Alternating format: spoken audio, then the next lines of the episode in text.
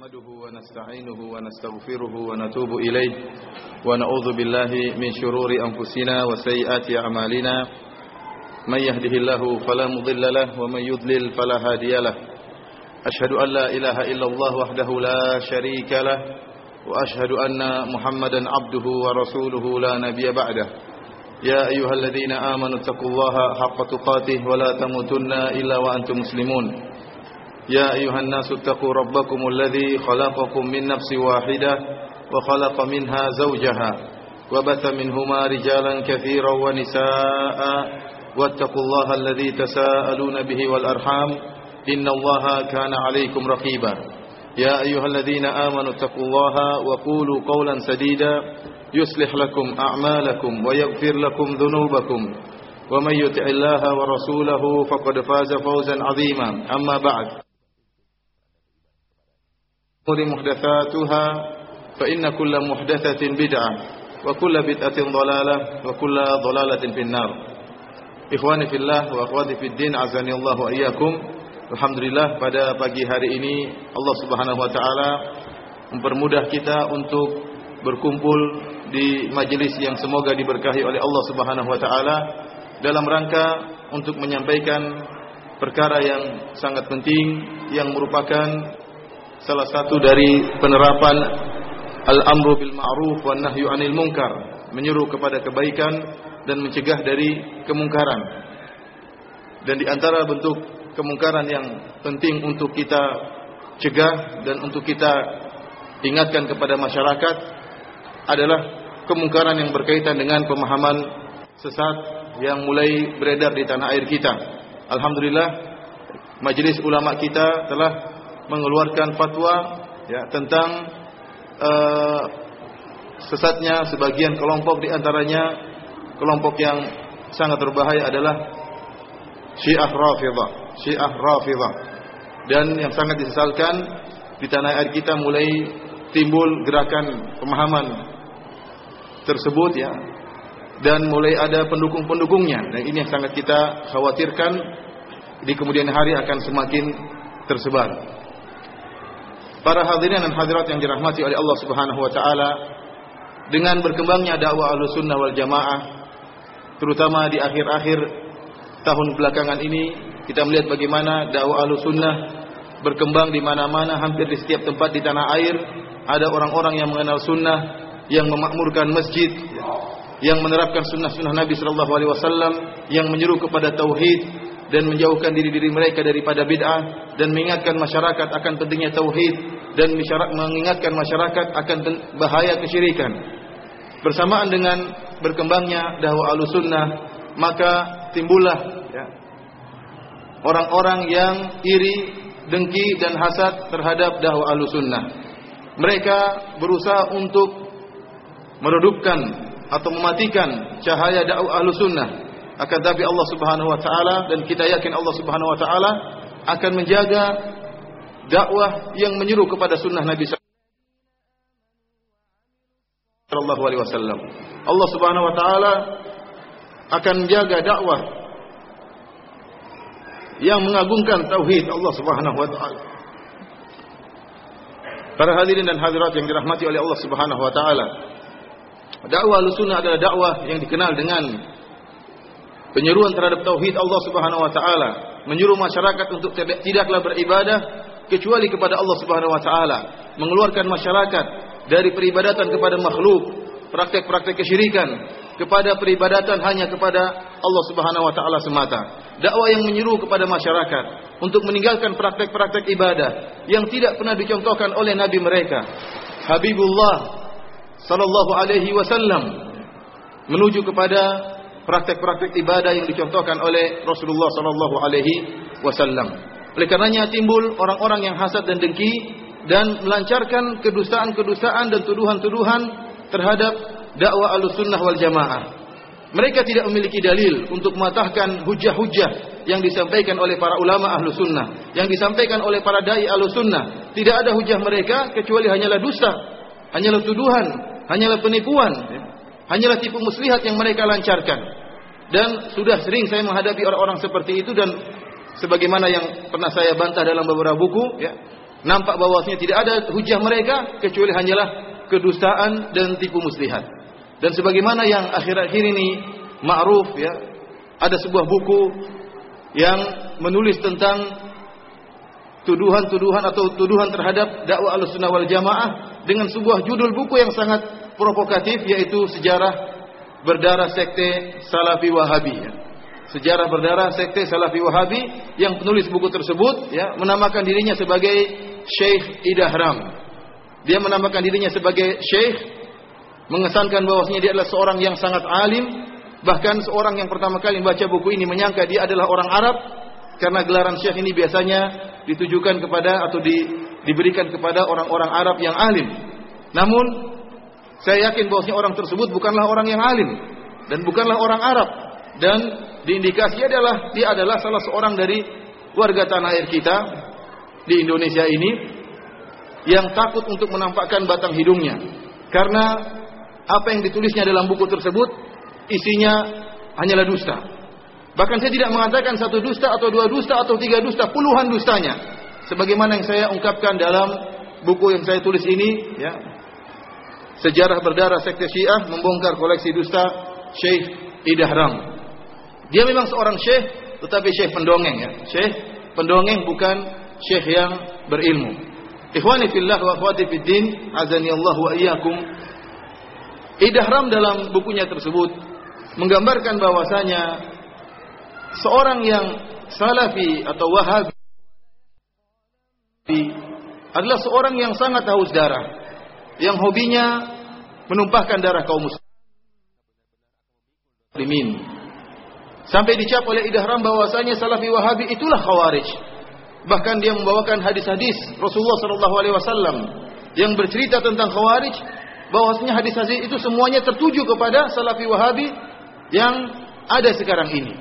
Yang dibawa atau di uh, di di yang tersebar sekarang ini ya. Ini dia berusaha membawakan hadis-hadis tentang khawarij kepada dakwah ahlu sunnah wal jamaah atau yang dia sebut atau dia gelari dengan dakwah salafi wahabi. Bahkan dalam bukunya dia berani memfonis bahwasanya orang-orang wahabi adalah orang-orang yang kafir. Orang-orang yang kafir. Dia menuduh kita suka mengkafirkan. Akan tapi ternyata dia termakan perkataannya sendiri. Justru dialah yang sangat berani memfonis kafirnya orang-orang yang bermanhaj salaf. Ya, orang-orang yang berdakwah di atas jalan ahlu sunnah wal jamaah sebagaimana nanti akan kita lihat dalam buku yang saya tulis ini. Terus terang, buku yang saya tulis ini saya tulis dengan terburu-buru ya. Kalau tidak salah sekitar tiga minggu saja saya tulis di tengah-tengah kesibukan saya sebelum saya sampai ke tanah air dan saya menulis buku ini itu pun sudah puluhan dusta yang saya ungkap dalam buku karya Idahram tersebut. Ya, bagaimana lagi kalau ya banyak orang yang menulis kemudian menyempatkan banyak waktu meneliti satu persatu nukilan-nukilan yang disebutkan oleh Idahram. Tentunya akan lebih banyak lagi kedustaan yang akan bisa terungkap dan luar biasa Idahram ini. Tatkala berdosa, dia tidak malu-malu tatkala berdosa. Dia bahkan dalam bukunya menampilkan hasil scan dari sampul suatu buku. Seperti buku ya Tarikh Najd ya atau seperti Unwanul Majd ya. Dia tampilkan sampul bukunya seakan-akan dia menukil langsung dari buku tersebut. Bahkan dia tampilkan bahasa Arabnya. Akan tapi ternyata semuanya hanyalah kedustaan ya, karangan dia sendiri hanya sekedar menipu kaum muslimin. Akan tapi ya demikianlah sebagaimana penjelasan Syekhul Islam Ibnu Taimiyah, terkadang Allah Subhanahu wa taala memunculkan musuh-musuh dakwah agar semakin jelas bahwasanya kedustaan akan semakin nampak kedustaannya dan kebenaran akan semakin nampak kebenarannya. Dan inilah hikmah dari Allah Subhanahu wa taala. Para hadirin hadirat yang dirahmati oleh Allah Subhanahu wa taala, sungguhnya Syekh Muhammad bin Abdul Wahab rahimahullah salah seorang ulama yang berjalan di atas manhaj salaf, di atas manhaj ahlu sunnah wal jamaah dan beliau bermadzhab hambali. Beliau menghidupkan kembali dakwah tauhid yang mulai pudar di jaziratul Arab. Dan sebagaimana disebutkan dalam kitab Unwanul Majid tentang sejarah Syekh Muhammad bin Al-Wahhab bahwasanya yang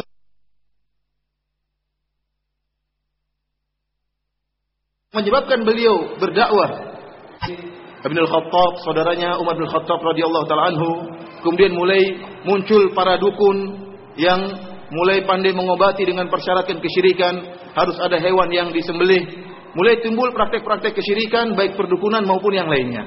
Inilah yang membuat Syekh Muhammad Muhammad bin Abdul Wahab kemudian bergerak berdakwah dalam rangka untuk bernahi mungkar, untuk mengagungkan Allah Subhanahu wa taala, untuk mentauhidkan Allah Subhanahu wa taala. Jadi sebenarnya dakwah Syekh Muhammad bin Abdul Wahab ini adalah dalam rangka untuk mengupas dan mengikis adanya TBC, takhayul, bid'ah dan khurafat. Inilah sebab munculnya dakwah Syekh Muhammad bin Abdul Wahab. Dan inilah yang kemudian dikenal di tanah air kita. Kita mengenal ada beberapa organisasi yang disebut dengan organisasi Wahabi.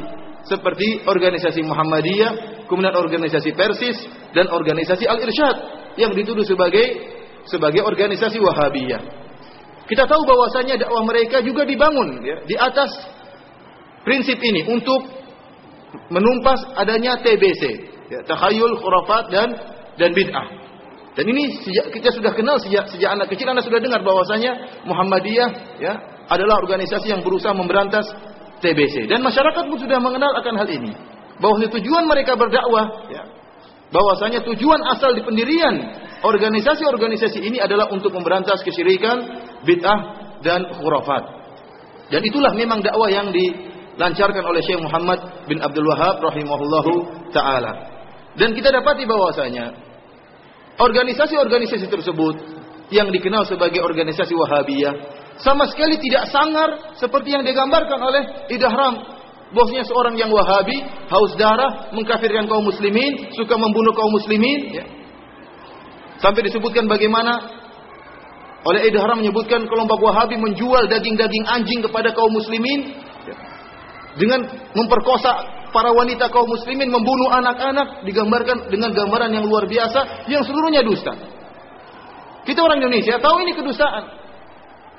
Muhammadiyah, Persis dan Ahli Irsad, apakah seperti itu pemahaman mereka? Tentunya tidak. Padahal mereka telah jelas-jelas mereka berpemahaman Wahabiyah. Yang merupakan ciri khusus mereka adalah mengagungkan Allah Subhanahu wa taala memberantas kesyirikan, bid'ah dan khurafat sebagaimana dakwahnya Syekh Muhammad bin Abdul Wahab. Akan tapi sebagaimana saya katakan di awal pengajian tatkala semakin berkembang dakwah Ahlussunnah wal Jamaah, timbullah orang-orang yang hasad, orang-orang yang dengki, yang ingin ya memperburuk atau mencemarkan nama baik dakwah Ahlussunnah wal Jamaah, maka tidak ada jalan lain untuk mencemarkan dakwah Ahlussunnah wal Jamaah kecuali dengan cara dusta. Karena dalil tidak ada, bukti tidak ada. Sehingga cara yang terbaik yang bisa dia lakukan adalah dengan berdusta dan menempelkan tuduhan-tuduhan palsu tentang dakwah ahlu sunnah wal jamaah. Yang menarik dalam buku Ihdahram tersebut atau Syekh Ihdahram atau Ustadz Ihdahram ini, dia menyebutkan dalam bukunya ya ada pembelaan terhadap sekte Syiah. Dia menyebutkan bahwasanya di antaranya dia mengatakan bahwasanya uh, di antara madhab-madhab yang masyhur dalam Islam adalah madhab Imamiyah dan madhab Ja'fariyah. Dia gandengkan dengan madhab Hambali, madhab Hanafi, madhab Maliki, madhab Syafi'i.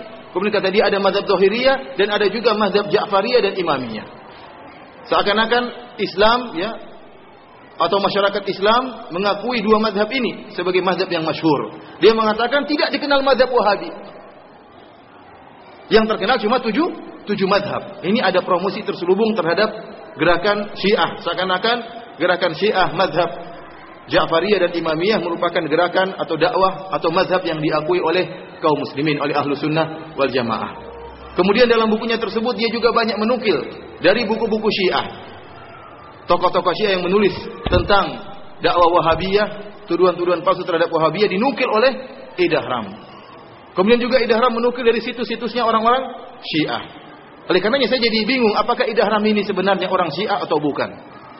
Ini masih tanda tanya besar dalam diri saya apakah dia seorang Syiah atau bukan. Yang lebih menunjukkan seakan-akan dia Syiah, beraninya dia berdusta. Dan kita tahu bagaimana Ya, sifat dosa yang dimiliki oleh orang Syiah sampai Al-Imam Syafi'i rahimahullah menyatakan, saya tidak menemukan ahlul ahwa yang lebih berdusta daripada orang-orang Syiah. Ini pernyataan siapa? Pernyataan Al-Imam Asy-Syafi'i rahimahullah. Imam Syafi'i sering bertemu dengan banyak ahlul ahwa, dengan ahlul bidah, beliau bertemu. Tetapi tidak ada yang paling lebih berdusta seperti Syiah Rafidhah yang memang dusta merupakan bagian daripada agama mereka, taqiyah. Oleh karenanya tatkala melihat ya bagaimana sikap idharam yang suka berdosa, jangan-jangan dia seorang Syiah yang menyamar sebagai penulis ahlu sunnah. Wallah alam biswab. Yang jelas dalam buku tersebut dia mempromosikan madhab Syiah dan juga menjatuhkan dakwah ahlu sunnah wal jamaah dan bukunya berisi dengan puluhan kedustaan yang sebagaimana bisa antum baca dalam buku yang saya tulis ini. Ikhwani fillah wa akhwati fiddin, azani Allah wa iyyakum. Oleh karenanya, dalam buku ini saya sengaja ingin menarik perhatian masyarakat atau para pembaca sekalian. Saya ingin jelaskan bahwasanya sesungguhnya yang yang sadis, yang suka menumpahkan darah, yang bengis terhadap kaum muslimin bukanlah dakwah salafiyah. Bukanlah dakwah ahlu sunnah wal jamaah. Justru dakwah ahlu sunnah wal jamaah adalah dakwah yang sangat memerangi takfirin. Sangat memerangi pemahaman takfir. Dan kita terang-terangan dalam pengajian-pengajian kita. Kita membantah orang-orang yang suka mengkafirkan. Kita membantah orang-orang yang suka bom sana sini tanpa tanpa dalil. Kita bantah mereka dan dan kita sebarkan dalam tulisan-tulisan kita, dalam radio-radio kita. Justru kita yang memerangi pemahaman seperti tersebut. Oleh karena saya ingin menjelaskan justru yang sesungguhnya yang haus darah kaum muslimin adalah sekte Syiah Ar-Rafidhah yang sejarah menunjukkan bahwasanya mereka gemar membunuh ahlu sunnah wal jamaah dari zaman dulu demikian juga zaman sekarang bahkan di kemudian hari di masa depan. Oleh karenanya insyaallah pada kesempatan kali ini kita akan sedikit menelaah buku yang saya tulis ini ya. Saya harap teman-teman yang atau para hadirin yang sudah ada bukunya bisa ikut membuka halaman-halaman yang saya tunjukkan. Contohnya seperti halaman keempat. Ya.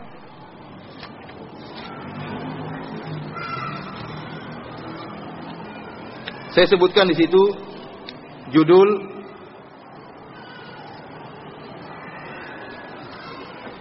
Ahlu sunnah najis dan halal dibunuh menurut kaum syiah ahlu sunnah najis dan halal dibunuh menurut kaum syiah. Inilah adalah akidah mereka.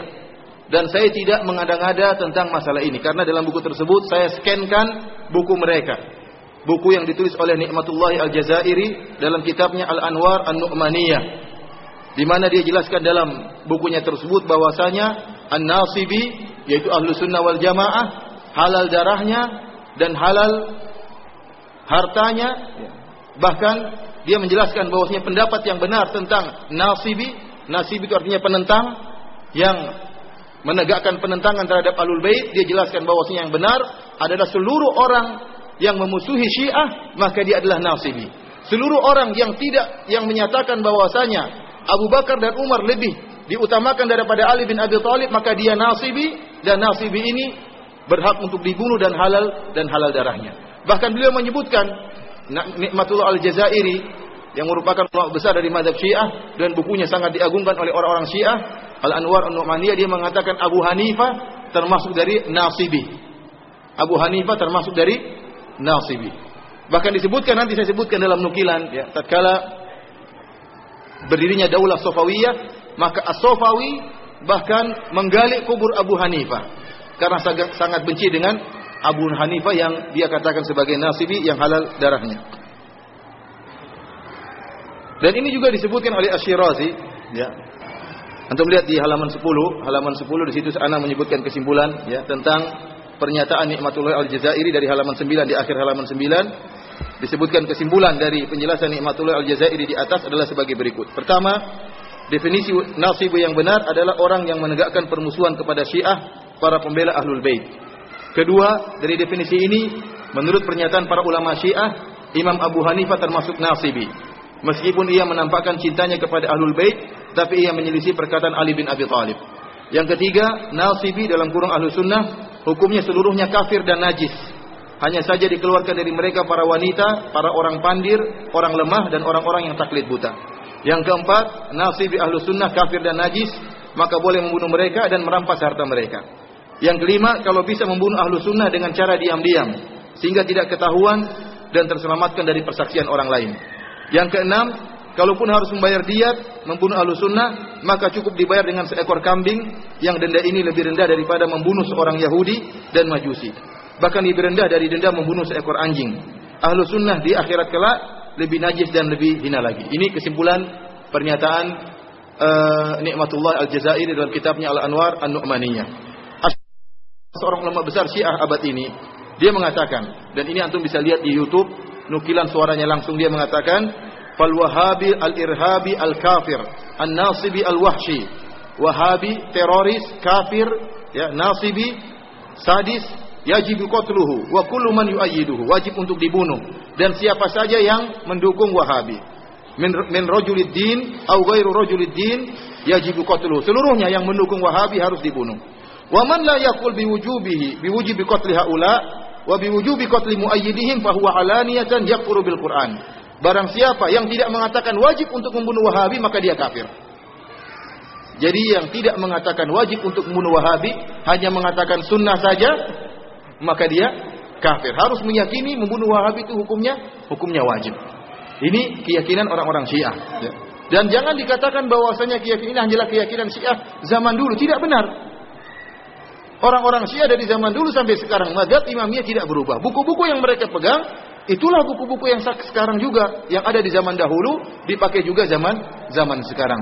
Dan sekarang alhamdulillah dengan adanya ya sarana komunikasi yang begitu cepat, maka mereka sulit untuk bertakiyah karena ceramah-ceramah mereka mulai nampak bahkan sebagian mereka berani terang-terangan dengan menyatakan kafirnya para sahabat sebagaimana kafirnya Ummul Mukminin Aisyah radhiyallahu taala anha, Aisyah pezina, ya bahwasanya Al-Qur'an itu kurang dan macam-macamnya. Sekarang bisa kita lihat langsung atau kita dengar langsung dalam di YouTube, di sarana-sarana internet. Ya. Para hadirin dan hadirat yang dirahmati oleh Allah Subhanahu wa taala. Oleh karenanya, tatkala kita mengetahui keyakinan orang-orang Syiah tentang kafir dan najisnya ahlu sunnah wal jamaah. Maka jangan kita heran kalau ternyata mereka dengan begitu mudah membunuh ahlu sunnah wal jamaah. Dengan dengan begitu mudah mereka membasmi ahlu sunnah wal jamaah. Kalau antum bertanya ya, tentang sejarah pembunuhan mereka terhadap ahlu sunnah, maka kita mau cerita dari mana? Tentang masa lalu, sungguh banyak yang telah dibunuh oleh Syiah. Zaman sekarang sampai detik ini masih berlanjut pembunuhan ahlu sunnah. Bahkan masa depan, mereka juga bercita-cita untuk membunuh ahlu sunnah.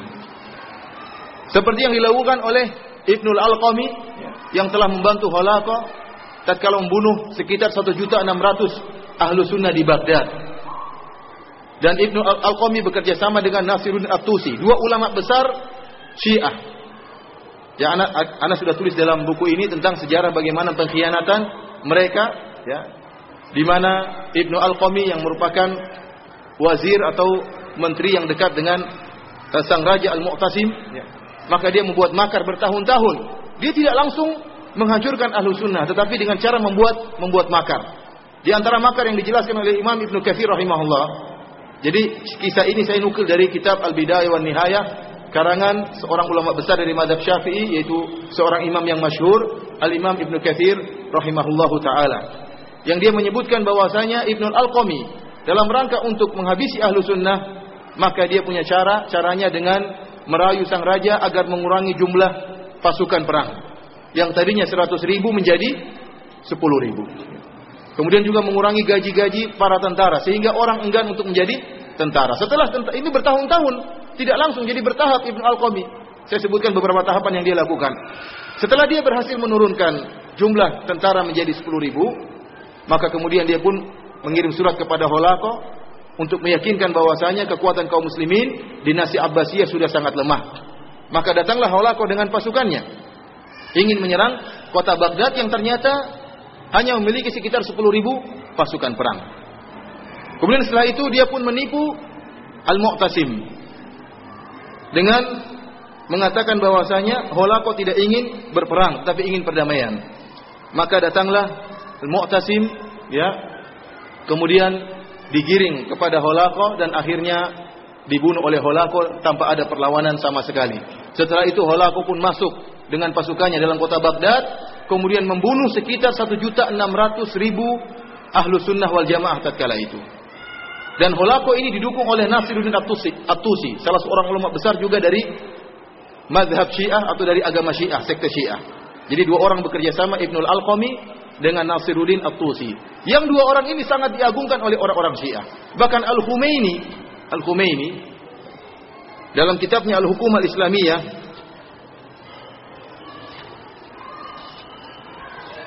dia menyebutkan bahwasanya saya nukil di halaman 23 atau bisa lihat dalam halaman 23 dia mengatakan apa? Wa yash'urun nasu bil khasara aidan bi fuqdani al hawajah Nasiruddin At-Tusi wal allamah wa adrabihim mimman qaddama khadamatin jalilah lil Islam. Kata kata dia manusia merasa rugi dengan kerugian yang besar dengan hilangnya seorang tokoh ulama seperti Nasiruddin At-Tusi. Siapa Nasiruddin At-Tusi ini kata dia mimman qaddama khadamatin jalilah lil Islam yang telah memberi sumbangsih yang besar bagi agama Islam. Nasiruddin At-Tusi inilah yang telah bekerja sama dengan Holako untuk membasmi ahlu sunnah wal jamaah. Sehingga terbunuhnya inilah khidmah yang besar yang disumbangsikan kepada agama Islam menurut Al-Khumaini. Dan pembantaian Syiah terhadap ahlu sunnah di Baghdad bukan hanya diriwayatkan oleh ulama ahlu sunnah seperti Ibnu Katsir rahimahullah. Bahkan juga disebutkan dalam buku-buku Syiah mereka sendiri mengakuinya. Seperti Ibnu As-Sa'i.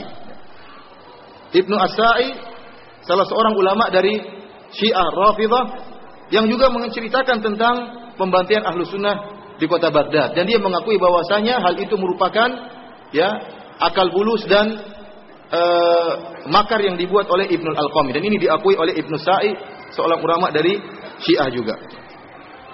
Kemudian demikian juga terjadinya pembunuhan 1.600 orang di Baghdad juga diakui oleh ulama Syiah yang bernama Al-Mirza Muhammad Bakir Al-Khawansari Al-Asbahani dalam kitabnya Raudhatul Jannat. Dia bangga dengan terbunuhnya Ahlu Sunnah wal Jamaah. Bahkan dia mengatakan ila an asala min dima'ihim al-akhdar ka amsalil anhar fanhara biha fi ma'i dujlah Kata dia maka akhirnya holako mengalirkan darah-darah kotor ahlu sunnah, darah-darah kotor kata dia. Keamsalil anhar maka mengalirlah darah-darah tersebut seperti sungai-sungai karena terlalu banyak yang dibunuh. Sekitar satu juta enam ratus orang. Fanharo fiha fi ma'i dujlah. Maka adalah darah yang mengalir ibarat sungai tersebut pun mengalir ke sungai Dujlah. Masuk dalam sungai Dejlah.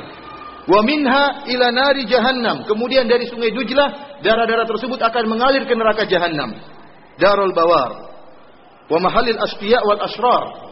Jadi dia meyakini bahwasanya ahlu sunnah yang dibunuh oleh holakot yang jumlahnya 1 juta 600 ribu orang tersebut akan dibawa ke dalam neraka jahannam. Karena mereka meyakini bahwasanya ahlu sunnah bukanlah orang orang Islam. Jadi pembantaian ahlu sunnah di Baghdad sampai satu juta enam ratus orang tersebut juga dibanggakan oleh ulama Syiah. Makanya dalam buku ini saya nukil dari buku mereka sendiri langsung. Bukan hanya pernyataan Ibnu Katsir, bahkan mereka ulama Syiah membanggakan hal ini. Ikhwani fillah wa fiddin azani Allah wa iyyakum. Ya. Sebelum kisah ter, dibas, dibasminya Ahlu Sunnah wal Jamaah di Baghdad, ada dua kisah besar juga yang pernah terjadi sebelumnya. Yang pertama adalah tentang terbunuhnya Umar bin Khattab radhiyallahu taala anhu ya sebagaimana saya sebutkan pada halaman 12 ya. Halaman 12 di mana Umar bin Khattab radhiyallahu taala anhu dibunuh oleh Abu Lu'lu al-Majusi dengan cara yang sangat curang dan pengecut. Tatkala Umar bin Khattab radhiyallahu taala anhu salat subuh kemudian menjadi imam, tatkala mulai membaca surat maka Abu Lu'lu al-Majusi pun segera Abu Lu'lu' al-Majusi kemudian segera menikam Umar dengan tiga tikaman, dengan hanjarnya atau dengan pedangnya yang bermata dua. Sehingga salah satu tikaman tersebut mengenai lambung atau di bawah di bawah pusar Umar bin Khattab radhiyallahu taala anhu yang itulah yang membuat Umar pun meninggal dunia. Karena setiap makanan yang dimasukkan oleh Umar maka keluar dari perut beliau radhiyallahu taala anhu. Dan pembunuhan Umar ini sangat dibanggakan oleh orang-orang Syiah sampai sekarang ini. Bahkan pembunuhnya yaitu Abu Lu'ul al-Majusi kuburannya dimegahkan di kota Kashan di Iran dan diadakan perayaan tahunan, perayaan matinya Umar bin Khattab radhiyallahu taala anhu. Dan ini wajar. Karena akidah dari orang-orang Syiah bahwasanya Abu Bakar dan Umar adalah syaitan, adalah togut dan semuanya ada nukilannya dalam buku yang saya uh, saya yang saya tulis ini. Bahkan saya scan ya, saya sengaja dalam buku ini banyak scanan supaya uh, timbul keyakinan dalam diri antum bahwasanya saya tidak mengada-ngada, bahkan saya mengambil dari dari buku-buku mereka. Dari buku-buku mereka secara secara langsung. Oleh karenanya bagaimana kita bisa berharap kebaikan dari sekte Syiah sementara mereka bangga dengan Abu Lu'lu'ah yang telah membunuh Umar bin Khattab radhiyallahu taala anhu. Bahkan di antara doa mereka, mereka mengatakan Allahumma syurna ma'a Abi Lu'lu'ah. Ya Allah, bangkitkanlah aku pada hari kiamat kelak dengan Abu Lu'lu'ah. Ya. Ini mereka bangga bisa dibangkitkan bersama Abu Lu'lu'ah yang telah membunuh Umar bin Khattab radhiyallahu taala anhu. Bahkan Abu Lu'lu'ah digelari dengan Baba Syuja, sang pahlawan, sang pemberani. Padahal kita tahu bahwasanya Abu Lu'lu'ah adalah seorang yang pengecut. Dia tidak berani berhadapan langsung dengan Umar bin Khattab, tetapi dia bunuh tatkala Umar sedang dalam keadaan salat maka dia pun menikam Umar bin Khattab radhiyallahu taala anhu. Dan memang Syiah itu adalah agama khurafat, agama khurafat.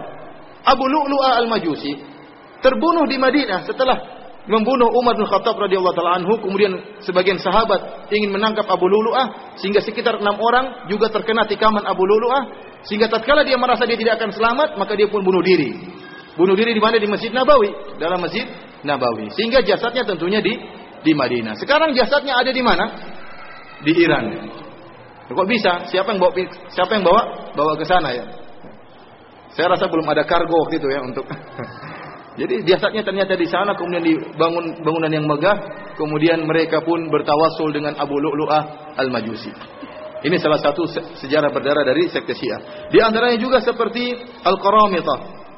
Syiah Qaramitah sebagaimana saya sebutkan pada halaman 16 yang mereka telah ya, membunuh jemaah haji tatkala sedang melaksanakan ibadah haji. Bahkan mayat-mayat jemaah haji mereka masukkan dalam sumur Zam-Zam. Bahkan mereka mencungkil mencungkil Hajar Aswad dan membawa lari Hajar Aswad dan mereka simpan Hajar Aswad, Aswad selama 22 tahun. Jadi Hajar Aswad pernah hilang selama 22 tahun. Yang nyuri siapa? Orang Syiah Rafidah. Kemudian tatkala mereka terus mengalami penderitaan akibat mencuri Hajar Aswad, akhirnya mereka pun mengembalikan Hajar Aswad ke tempatnya. Di antara sejarah berdarah sekte Syiah sebagaimana dilakukan oleh As-Sofawi, Ismail As-Sofawi sebagaimana Anda sebutkan pada halaman 26. Dan sejarah ini saya ambil langsung dari tulisan orang Syiah. Ya, dalam kitabnya Lamahatul Ijtimaiyah min Tarikh al-Iraq al-Hadith. Di situ disebutkan tentang sejarah berdirinya negara Iran. Bahwasanya dahulu negara Iran isinya ahlu sunnah wal jamaah, bukan orang-orang Syiah. Tapi kemudian datanglah pada abad ke-10 datanglah As-Safawi, kemudian dia pun membantah ahlu sunnah wal jamaah. Bahkan penulis kitab ini menyebutkan di antara sarana menyebarkan mazhab Syiah, di antara penyebaran mazhab Syiah, sarana yang dilakukan adalah dengan memaki-maki Abu Bakar, Umar dan Utsman di podium-podium. Bahkan siapa saja yang tidak setuju dengan makian tersebut, maka dibunuh tatkala itu. Ini dalam rangka menyebarkan pemahaman Syiah secara paksa. Jadi mereka menguji masyarakat. Disuruh memaki Abu Bakar, Umar dan Utsman. Kalau tidak mau maka di dipenggal. Ini cara mereka. Di antara cara mereka, ini yang menyebutkan mereka sendiri, bukan saya. Saya hanya menukil saja. Di antara cara penyebaran dakwah Syiah kata mereka dengan mengadakan perayaan Karbala, dengan mengadakan perayaan hari Karbala dengan memukul-mukulkan tubuh. Yang pertama kali mengadakan bid'ah ini adalah Sofawi pada abad 10 Hijriah. Dia yang pertama menghidupkan acara hari Karbala Yauma Ashura di mana orang-orang Syiah kemudian membacakan syair-syair tentang kisah terbunuhnya Hussein dan mereka memukulkan tubuh mereka sehingga berdarah supaya semakin menancapkan dalam batin mereka tentang akidah Syiah dan semakin menancapkan kebencian terhadap ahlu sunnah wal jamaah dan terhadap para sahabat radhiyallahu taala anhum. Semakin mereka merayakan acara tersebut mereka semakin benci kepada para sahabat radhiyallahu taala anhum. Ini di antara sarana dakwah mereka untuk menyebarkan pemahaman Syiah Rafidhah.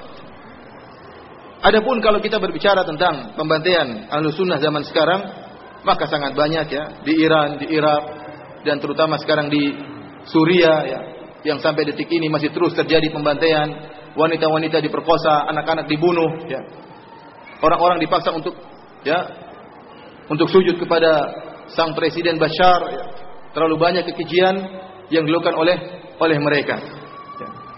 Dan sebagaimana pernah kita dengarkan ceramahnya di uh, di radio tentang hal ini, tentang secara perincian bagaimana sadisnya uh, orang-orang Syiah terhadap Ahlussunnah wal Jamaah. Dan ini perkara yang sudah masyhur, ya tersebar di mana-mana di uh, konawat, yaitu di channel-channel, kemudian juga di internet, tidak bisa disembunyikan. Meskipun sebagian orang Syiah berusaha menutup menutupi hal ini, sebagian mereka menyatakan bahwasanya uh, hal ini tidaklah ada, hanyalah isu-isu yang tersebar, tidak ada pembantaian di Suriah. Ini jelas kedustaan di siang hari bolong. Semua orang tahu bahwasanya ya bahwasanya terjadi pembantaian di sana dan orang-orang Iran mendukung terjadi pembantaian tersebut. Orang-orang Iran yang mengirimkan senjata persenjataan ke membantu persenjataan di Suriah untuk menghabisi ahlu sunnah wal jamaah.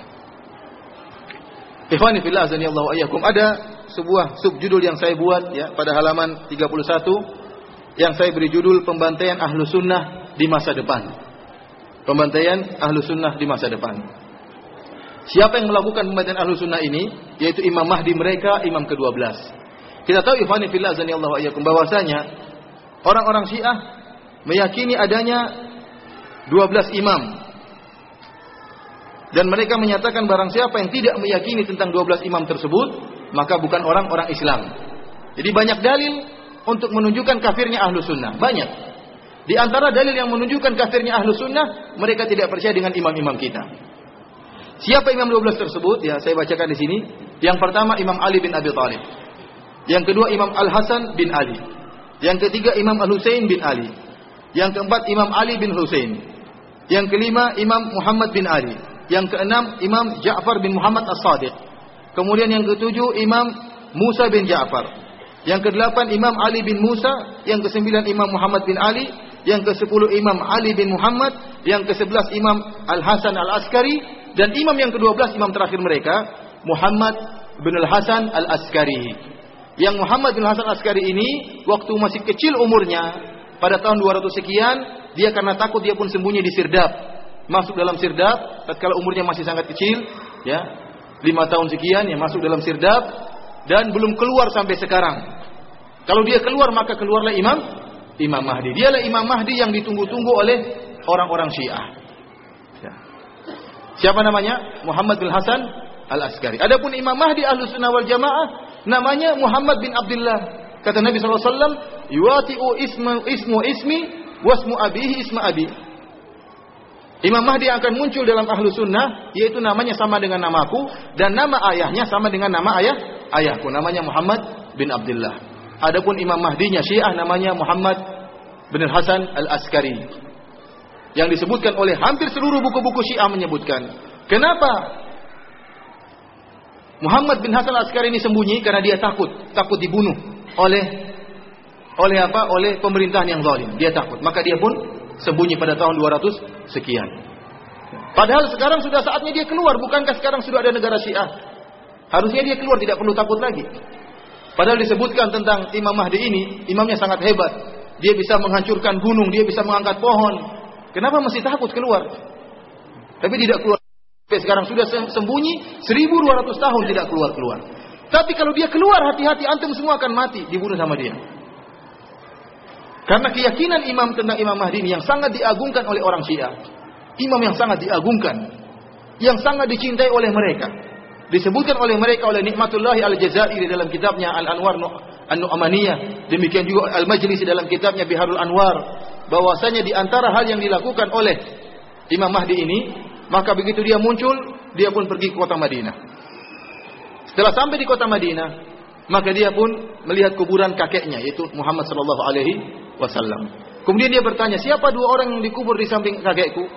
Maka orang-orang mengatakan yang dikuburkan adalah Abu Bakar dan dan Umar. Maka dia pun menggali kuburan Abu Bakar dan Umar.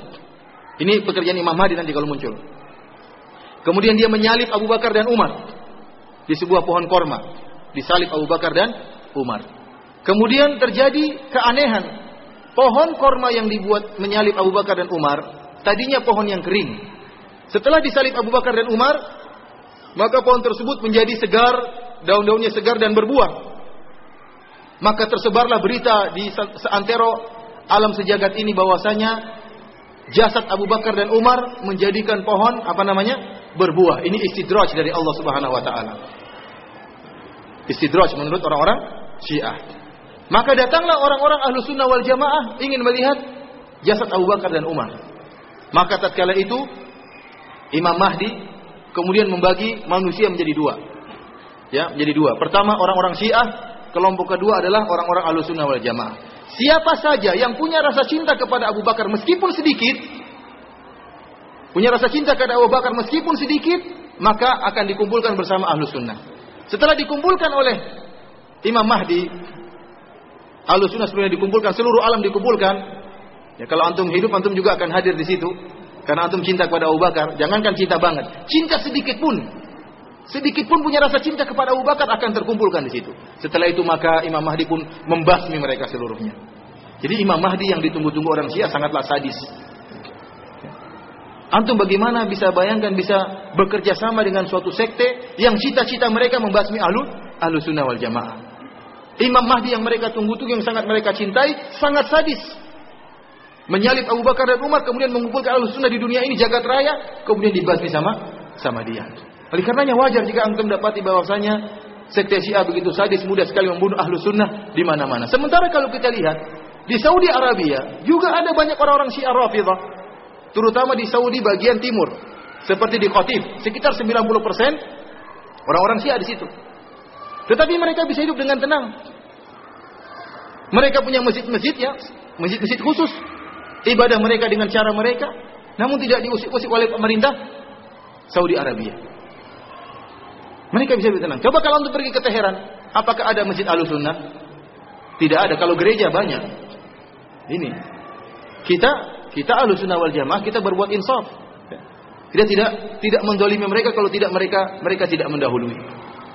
Tapi mereka kapan saja mereka memiliki kekuatan, maka mereka akan basmi ahlu sunnah. Dan perlu kita ketahui bahwa Syiah ini bukan hanya sekedar madhab dalam akidah, tapi dia politik, dia ingin menguasai dunia.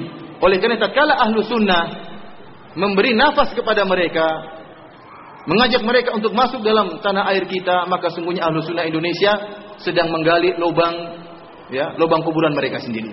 Suatu saat jika mereka dan sudah mereka lakukan, saya dengar terjadi ada kisruh di sebagian tempat, ya, ya. Dan mereka nekat, itu mereka masih sedikit sudah nekat. Bagaimana kalau jumlah mereka sudah sangat sangat banyak? Bagaimana tidak sadis Imam Mahdi mereka sangat sangar ya, sangat sangar. Ikhwani fillah wa akhwati fid din, azani Allah wa yakum itu sekilas tentang uh, sejarah berdarah sekte Syiah yang memang hobinya adalah uh, membunuh ahlu sunnah wal jamaah.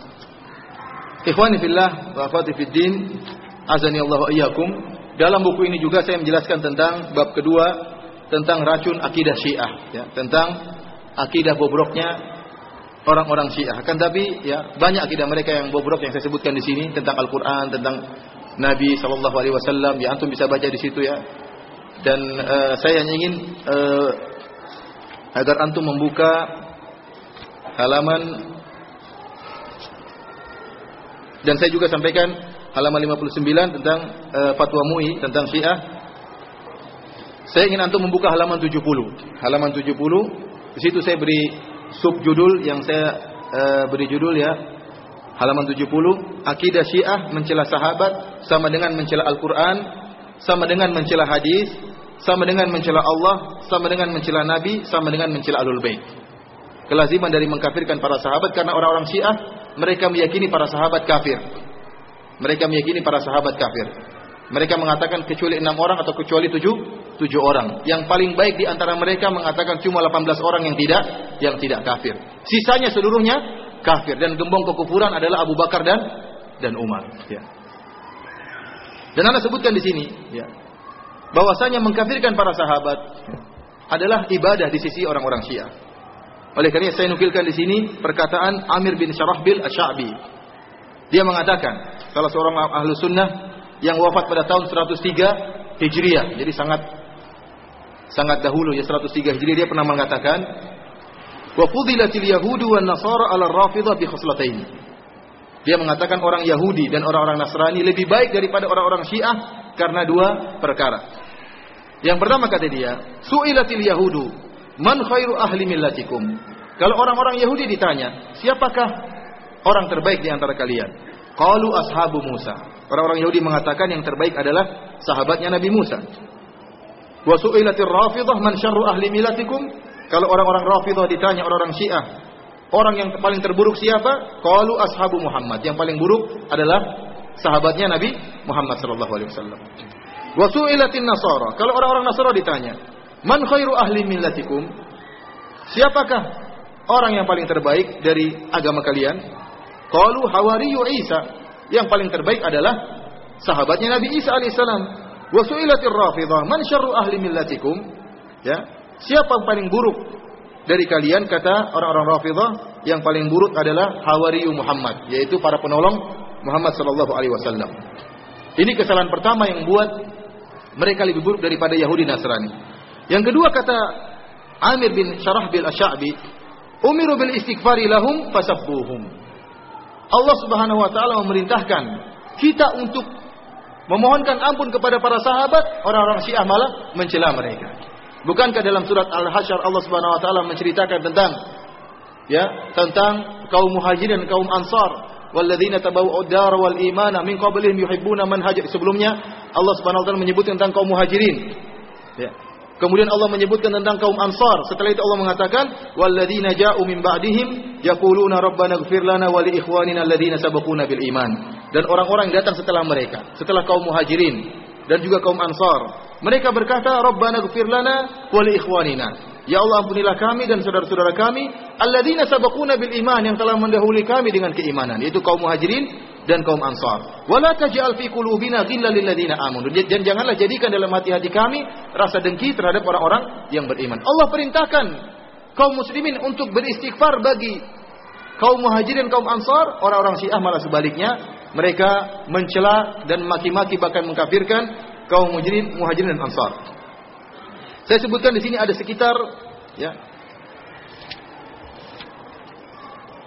Sepuluh kelaziman yang buruk dari mengkafirkan para sahabat. Yang pertama, untuk melihat halaman 72. Akibat mengkafirkan para sahabat, kecuali cuma tujuh orang, akibatnya apa? Melazimkan timbulnya keraguan terhadap Al-Quran dan hadis-hadis Nabi. Kenapa? Karena para sahabatlah yang telah meriwayatkan kepada kita Al-Quran dan hadis Nabi Sallallahu Alaihi Wasallam. Jika ternyata perawinya kafir, perawinya tukang dusta, maka bagaimana dengan Al-Qurannya? Bagaimana dengan hadis-hadis Nabi Shallallahu Alaihi Wasallam? Oleh karenanya mengkafirkan para sahabat melazimkan meragukan terhadap Al-Quranul Karim. Ini wajar. Oleh karenanya wajar kita dapati orang-orang Syiah meyakini bahwasanya Quran kita ini ada penyimpangan. Wajar. Dan bahkan dalam sebagian mereka sampai saat ini sebagian ulama menyebutkan ada ayat yang dirubah. Bahkan mereka memberi contoh ini ayat yang dirubah oleh para sahabat. Kenapa? Karena para sahabat mereka kafirkan. Sehingga Al-Quran yang, yang ada di tangan kita sekarang ini menurut, menurut mereka itu adalah Al-Quran yang menyimpang. Dan mereka sering bertakiyah, kata mereka, siapa bilang kita punya Quran sendiri? Quran yang kita baca adalah Quran yang dibaca ahlu sunnah. Itu hanyalah tuduhan-tuduhan dosa terhadap ahlu sunnah wal jamaah. Kita bilang memang mereka tidak punya Quran. Selain Quran kita juga. Tetapi pembicaraan kita adalah tentang keyakinan mereka terhadap Quran kita. Bagaimana? Yang mereka baca Quran kita juga. Kalau mereka ke Masjid Nabawi, mereka juga baca Al-Quran yang ditaruh di Masjid Nabawi. Tetapi yang jadi pertanyaan adalah bagaimana keyakinan mereka terhadap Al-Quranul Karim. Mereka meyakini adanya penyimpangan dalam Al-Quranul Karim. Kemudian kelaziman yang kedua, keyakinan ini melazimkan bahwasanya umat ini adalah umat yang terburuk. Kenapa? Karena para sahabat kafir seluruhnya.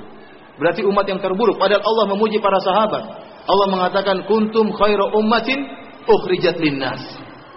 Kuntum khairu ummatin ukhrijat linnas. Kalian adalah umat terbaik yang dikeluarkan kepada manusia. Dan saya sangat kagum dengan tulisan disertasi Dr. Said Agil Siraj di mukaddimah tatkala dia menjelaskan kenapa para sahabat sangat mulia.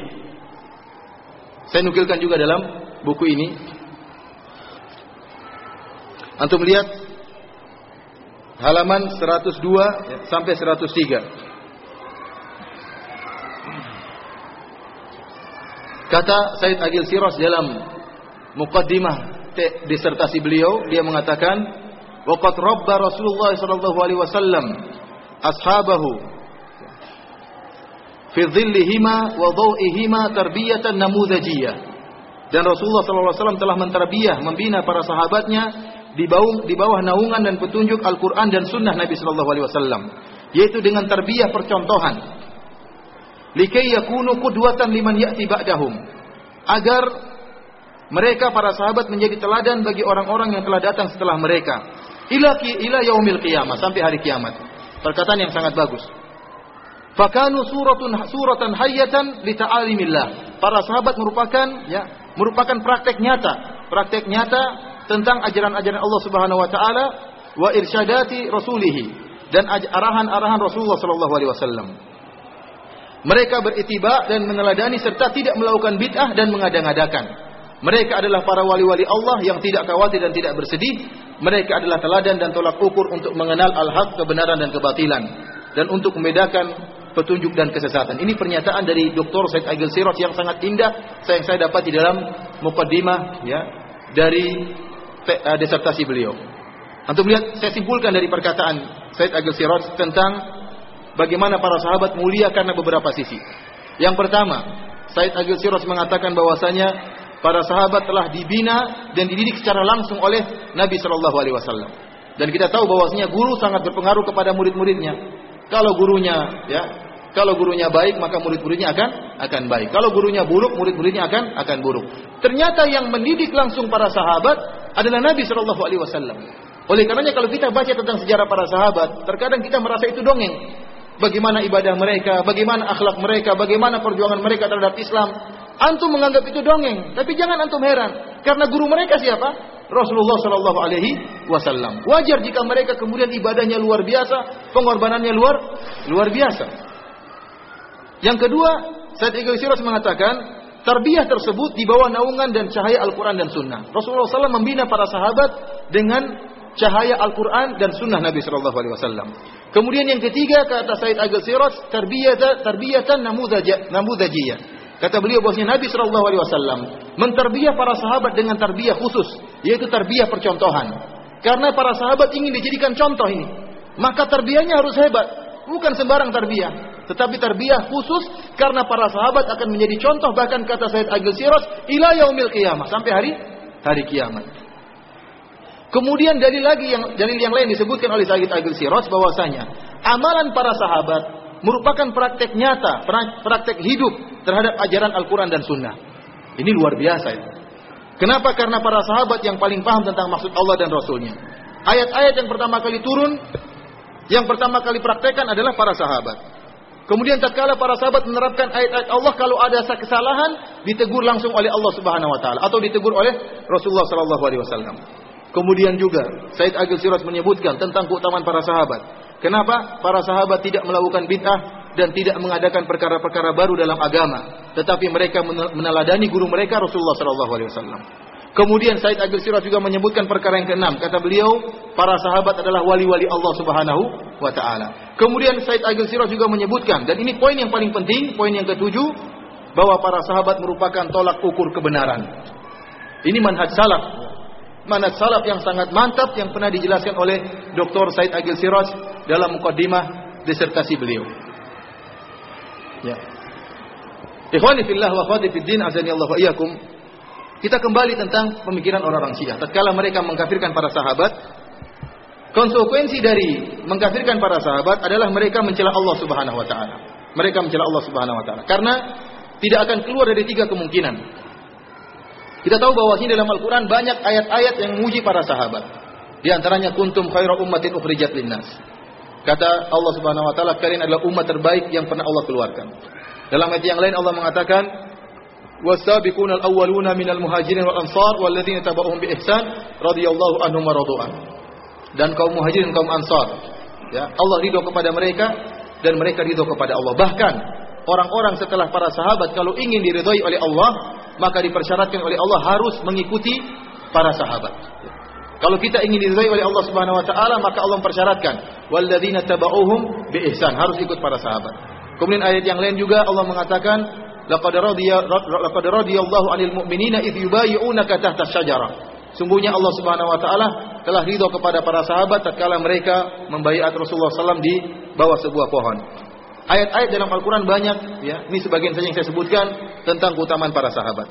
Sekarang kita tanya kepada mereka, orang-orang Syiah, apakah Allah mengetahui para sahabat akan murtad? Kok sampai-sampainya Allah memuji para sahabat dengan banyak ayat tanpa ada komentar sama sekali? Kalau Allah tahu bahwasanya para sahabat akan murtad, sementara Allah terus memuji para sahabat dengan bacaan yang akan dibaca sampai hari kiamat, berarti sungguhnya Allah telah menyesatkan hamba-hambanya. Allah memuji suatu kaum yang murtad, kaum yang sangat buruk. Hamba-hambanya tidak tahu tatkala baca Al-Quran. Kalau seandainya Allah tidak tahu, berarti Allah jahil ya. Ini yang yang repot. Tidak ada misalnya mereka tidak mungkin mereka keluar kecuali dari dua kemungkinan. Pertama mereka mengatakan Allah tidak tahu bahwasanya para sahabat akan murtad. Ini merupakan kekufuran. Yang kedua mereka mengatakan Allah tahu tetapi Allah tetap memuji. Dan ini adalah bentuk penyesatan terhadap hamba-hamba Allah Subhanahu wa taala. Dan beberapa perkara juga saya sebutkan intinya bahwasanya kelaziman dari mengkafirkan para sahabat sangat banyak ya. Termasuk adalah mencela Nabi Shallallahu Alaihi Wasallam nanti bisa antum baca sendiri dalam uh, buku ini ya. Demikian juga ya selain mencela Allah, mencela Nabi, demikian juga mencela, mencela Ali bin Abi Thalib ya. ya. Karena orang yang mengkafirkan para sahabat pada dasarnya telah mencela Ali bin Abi Thalib. Kenapa? Dan mencela Ahlul Bait dari banyak sisi. Ya. Di antaranya Ali bin Abi Thalib berbaiat kepada Abu Bakar. Ali bin Abi Thalib berbaiat kepada Umar, kepada Utsman. Kalau seandainya Abu Bakar, Umar dan Utsman syaitan dan tagut, kok tega-teganya Ali bin Abi Thalib berbaiat kepada syaitan? Bukankah ini adalah penyesatan besar-besaran terhadap umat? Padahal Ali bin Abi Thalib dikenal sangat pemberani. Bagaimana dia takut hanya ingin menyelamatkan dirinya kemudian dia berbaiat di hadapan kepada Abu Bakar, Umar dan Utsman. Kenapa dia tidak memberontak? Ini yang pertama. Juga mencela kepada Ali bin Abi Thalib. Kenapa Ali bin Abi Thalib telah menikahkan putrinya Ummul Kalsum dengan Umar bin Khattab radhiyallahu taala. Jadi Umar bin Khattab mertuanya Ali. Kok bisa Ali bin Abi Thalib menikahkan putrinya dengan tauhid dan syaitan? Ini ini juga adalah pencelaan terhadap Ali bin Abi Thalib. Di antaranya juga Ali bin Abi Thalib telah menamakan anak-anaknya dengan nama-nama para sahabat. Saya sebutkan di sini. Di antara nama-nama anak Ali, anak-anak Ali bin Abi Thalib ada namanya Abu Bakar, ada namanya Umar, ada namanya Utsman. Sekarang saya tanya, saya, saya tanya sama antum, kalau antum punya anak, antum kasih nama Firaun? Tidak. Antum kasih nama Abu Jahal? Tidak. Antum akan memberi nama anak-anak antum dengan orang-orang yang antum cintai. Tatkala Ali bin Abi Thalib menamakan anaknya Utsman ini luar biasa. Bahkan di antara keturunan Ali, imam-imam saya lupa, Imam Hussein atau yang lainnya atau Ali bin Ali Zainal Abidin, di antara anak mereka ada yang namanya Aisyah. Ada yang namanya apa? Aisyah. Masa dinamakan anaknya dengan nama pezina? Kemudian ikhwani fillah Allah iyyakum. Suatu pertanyaan tidak pernah dijawab oleh orang Syiah sampai sekarang ini. Mereka mengatakan bahwa imam-imam mereka maksum. Imam-imam mereka maksum dan mereka sangat gulu berlebih-lebihan terhadap imam-imam mereka. Antum kalau baca di dalam kitab Al-Kafi karangan mereka itu seperti Sahih Bukhari di di, di sisi kita Ahlussunnah wal Jamaah mereka punya buku kitab hadis namanya Al-Kafi karangan Al-Kulaini. Antum baca daftar isinya tentang bab keutamaan para imam. Imam tahu ilmu gaib, imam tahu ini, imam tahu anu ya. Imam tahu yang di mahfuz banyak ya, keyakinan mereka terhadap imam. Imam maksum nggak mungkin salah. Di antaranya imam tidak mungkin apa? Tidak mungkin salah. Karena imam dapat wahyu langsung dari Allah Subhanahu wa taala. Bahkan di antara mereka menyebutkan kalau Nabi Muhammad sallallahu alaihi wasallam ya, hanya mendapat wahyu dari Jibril, imam-imam dari malaikat yang lain bukan cuma Jibril. Saya baca wah ini luar biasa orang Syiah ini. Di antara keyakinan mereka imam-imam tersebut maksum tidak mungkin salah. Sekarang, imam ketiga mereka adalah imam kedua mereka adalah Al Hasan bin Ali bin Abi Thalib. Karena imam pertama siapa? Ali. Yang kedua siapa? Hasan. Yang ketiga siapa? Husain. Hasan bin Ali bin Abi Thalib ternyata menyerahkan tampuk kepemimpinan kepada Muawiyah bin Abi Sufyan. Ini pertanyaan besar yang tidak mungkin dijawab oleh orang Syiah. Sementara Muawiyah kafir menurut mereka. Bahkan saya pernah berdialog sama Syiah Zaidiyah. Jadi Syiah yang tersebar sekarang di dunia ini kebanyakan Syiah Imamiyah Rafidah. Yang ada di Iran itu Syiah Imamiyah yang kemudian tersebar di seantero alam. Antum jangan terpedaya kalau ada yang mengatakan, ya akhi Syiah itu bersekte-sekte, tidak semuanya sesat. Kita bilang, benar tidak semuanya sesat. Tapi yang tersebar sekarang adalah imamiyah. Yang meyakini 12 imam barang siapa yang tidak meyakini imam tersebut maka telah kafir. Yang saya nukilkan tadi bukunya dari Al-Anwar Nu'amaniyah, kemudian Biharul Anwar itu adalah buku-bukunya sekte Imam Syiah Imamiyah Rafidah yang suka membunuh kaum kaum muslimin. Itu yang tersebar sekarang. Memang masih ada sebagian sekte Syiah yang tidak seperti mereka. Contohnya Syiah Zaidiyah. Saya pernah ngobrol sama sebagian orang Yaman tatkala musim haji saya ketemu. Dan saya ngobrol tentang mereka Syiah Zaidiyah. Memang agak berbeda dengan Syiah Imamiyah. Kata mereka kalau kita memang Ali bin Abi Thalib lebih utama jadi khalifah. Tapi kita kita mendoakan Abu Bakar, kita mendoakan siapa? Umar dan Utsman dan kita menyatakan Aisyah ummul mukminin. Aisyah adalah ibu kita. Muawiyah gimana saya bilang Muawiyah? Oh, kalau Muawiyah lain. Muawiyah kafir. Jadi Syiah bagaimanapun baiknya masih mengkafirkan siapa? Muawiyah itu Syiah yang paling baik juga mengkafirkan Muawiyah. Apalagi Syiah yang kelas kakap semuanya kafir. Sekarang jadi sepakat orang Syiah dengan berbagai macam sektenya bahwasanya Muawiyah adalah kafir.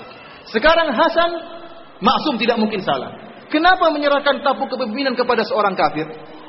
Bukankah ini adalah ya pengkhianatan besar-besar besar-besaran kepada umat Islam? Bagaimana Hasan bin Ali bin Abi Thalib menyerahkan kepemimpinan kepada seorang yang kafir? Tidak bisa mereka jawab. Kalau memang Hasan itu maksum berarti Muawiyah benar. Kalau Muawiyah kafir Hasan yang salah. Bingung mereka bagaimana? Jawab. Oleh karena saya katakan mengkafirkan para sahabat pada dasarnya juga mencela kepada Alul Bait, mencela Ali bin Abi Thalib dan juga mencela siapa? Hasan bin Ali bin Abi Thalib. Demikian juga mencela syariat ini. Antum bayangkan, kalau ada orang bilang Muhammad Shallallahu Alaihi Wasallam berdakwah selama 23 tahun, 13 tahun di Mekah, 10 tahun di Madinah. Ternyata hasilnya nihil, cuma enam orang aja yang Islam, yang lainnya murtad. Ini syariat macam apa seperti ini? Buat apa kita pakai syariat Islam, syariat yang tidak berhasil? Uang Muhammad saja yang begitu akhlaknya, tidak bisa berhasil menerapkan Al-Quran, hasilnya nihil, cuma enam orang, tujuh orang yang yang muslim, yang lainnya murtad. Subhanallah. Kalau begitu ngapain kita pakai syariat Islam? Oleh karena saya katakan bahwasanya akidah orang-orang Syiah, bahwasanya para sahabat kafir adalah pencelaan, pencelaan terhadap syariat. Antum bisa baca sendiri insya Allah tentang uh, akidah orang-orang Syiah. Kemudian ada poin yang juga saya sebutkan dalam buku ini pada halaman 81. Saya beri judul Aswaja Sufi meniru-niru Syiah ataukah sebaliknya. Saya ingin uh, mengangkat bahwasanya sebenarnya ada kesamaan besar antara akidah Syiah dengan akidah orang-orang Sufi yang suka beribadah di kuburan. Karena Imam Ibnu Qayyim rahimahullah saya nukilkan antum lihat dalam mukaddimah pada halaman ya, halaman 7 Romawi di awal halaman 7 Romawi coba antum buka. Halaman 7 Romawi dan 8 Romawi. Saya sebutkan tentang Ibnu Qayyim yang mengeluhkan tentang kondisi sebagian kaum muslimin yang menentang sabda-sabda Nabi sallallahu alaihi wasallam. Dia menyatakan pertama, Rasulullah SAW melarang sholat dalam kuburan, sebagaimana dalam Sahih Muslim. Sedangkan mereka sholat di di kuburan. Rasulullah melarang mereka sholat di kuburan. Rasulullah melarang menjadikan kuburan sebagai masjid, mereka menjadikan kuburan sebagai masjid. Yang ketiga, Rasulullah melarang menyalakan lampu di atas kuburan, mereka menyalakan lampu di atas kuburan. Yang keempat, Rasulullah melarang kuburan dijadikan id, ya senantiasa jadi tempat perayaan di kuburan, datang berterus-terusan, mereka menjadikan kuburan sebagai perayaan. Rasulullah memerintahkan untuk meratakan kuburan sebagaimana perintah Nabi terhadap Ali bin Abi Thalib, justru mereka meninggikan kuburan.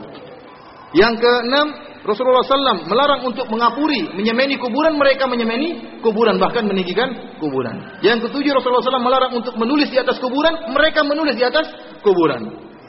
Yang delapan Rasulullah melarang untuk ditambah di atas kuburan pasir selain dari kuburan tersebut, mereka tambah pasir sebanyak-banyaknya. Kenapa pasirnya diambili? Ya, diambili karena untuk keberkahan. Terus bagaimana ya? Seluruh hadis-hadis yang berkaitan dengan kuburan dilawan oleh mereka. Oleh karena saya angkat di sini tentang akidah Al-Humaini, Al-Imam Al-Humaini dalam kitabnya Kashful Asrar. Antum bisa lihat halaman 84. Jadi kitab Kashful Asrar ini ada dua penerjemahan karena ditulis dalam bahasa Parsia. Penerjemahan pertama diterjemahkan oleh orang-orang ahlu sunnah wal jamaah. Tentunya mereka dalam keadaan amanah tatkala menerjemahkan kitab Kashful Asrarnya Al-Imam Al-Khumaini ya. Tetapi penerjemahan tersebut tidak diakui oleh orang Syiah. Mereka mengatakan ada sedikit penyelewengan dalam penerjemahan tersebut.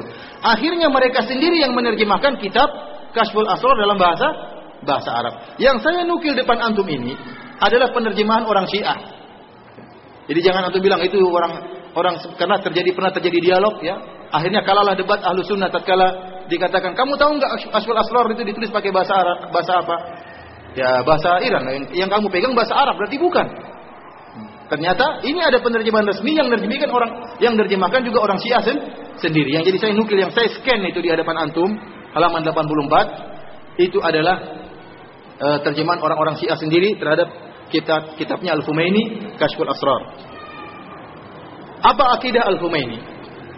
Dia menyatakan, meminta kepada makhluk bukanlah kesyirikan selama meyakini bahwasanya makhluk tersebut bukan Tuhan pencipta, tetapi telah diberi kekuatan oleh Allah Subhanahu wa taala. Jadi antum minta kepada siapa saja, pada jin, kepada siapa siapa saja antum minta ya selama antum tidak meyakini itu Tuhan, maka itu bukan bukan syirik. Bahkan dia mengatakan, meminta kepada mayat bukan kesyirikan, bahkan minta kepada batu bukanlah kesyirikan. Dia mengatakan di sini La farqa fi dhalika bainal hayy wal mayyit hatta anna talab al haja min al hajar wal madar laisa syirkan. Ya. Dia mengatakan tidak ada bedanya untuk minta kepada mayat maupun orang yang hidup. Bahkan minta kepada batu ya itu bukan syirik katanya. Apa yang namanya syirik? Syirik itu kalau kamu meyakini ada Tuhan yang lain. Ada Tuhan yang lain selain Allah itu baru baru syirik. syirik. Ada yang menciptakan alam semesta selain Allah maka itu baru baru syirik. Ini definisi yang sangat ngawur. Kalau definisi, definisinya demikian maka orang-orang musyrikin Arab dahulu mereka juga orang muslim, tidak pernah melakukan kesyirikan. Karena mereka meyakini bahwasanya pencipta alam semesta hanya Allah Subhanahu wa taala. Ini uh, sudah saya jelaskan tentunya dalam pengajian tersendiri. Di antara keyakinan yang diyakini oleh Al-Khumaini, dia mengatakan ruh seorang setelah mati semakin hebat dan diberi kekuatan oleh Allah, semakin tinggi kedudukannya. Bahkan dia mengatakan ini ijma. Ijma ahli falasifah, orang-orang filsafat bahwasanya ruh kalau sudah meninggal lebih hebat daripada yang masih yang masih hidup. Subhanallah. Antum orang mati saja itu kalau mau masuk kuburan harus antum angkat. Tidak bisa dia masuk sendiri dalam kuburan harus antum angkat, antum gali kuburannya, antum kubur setelah antum minta-minta. Gimana ini? Di mana akal akal kita subhanallah? Rasulullah mengatakan idza mata ibnu Adam inqata amaluhu. Kalau sudah meninggal anak Adam terputus amalannya. Oleh karenanya Nabi Isa alaihissalam dalam surat Al-Maidah di ayat surat Al-Maidah saya membawa Al-Qur'an ya.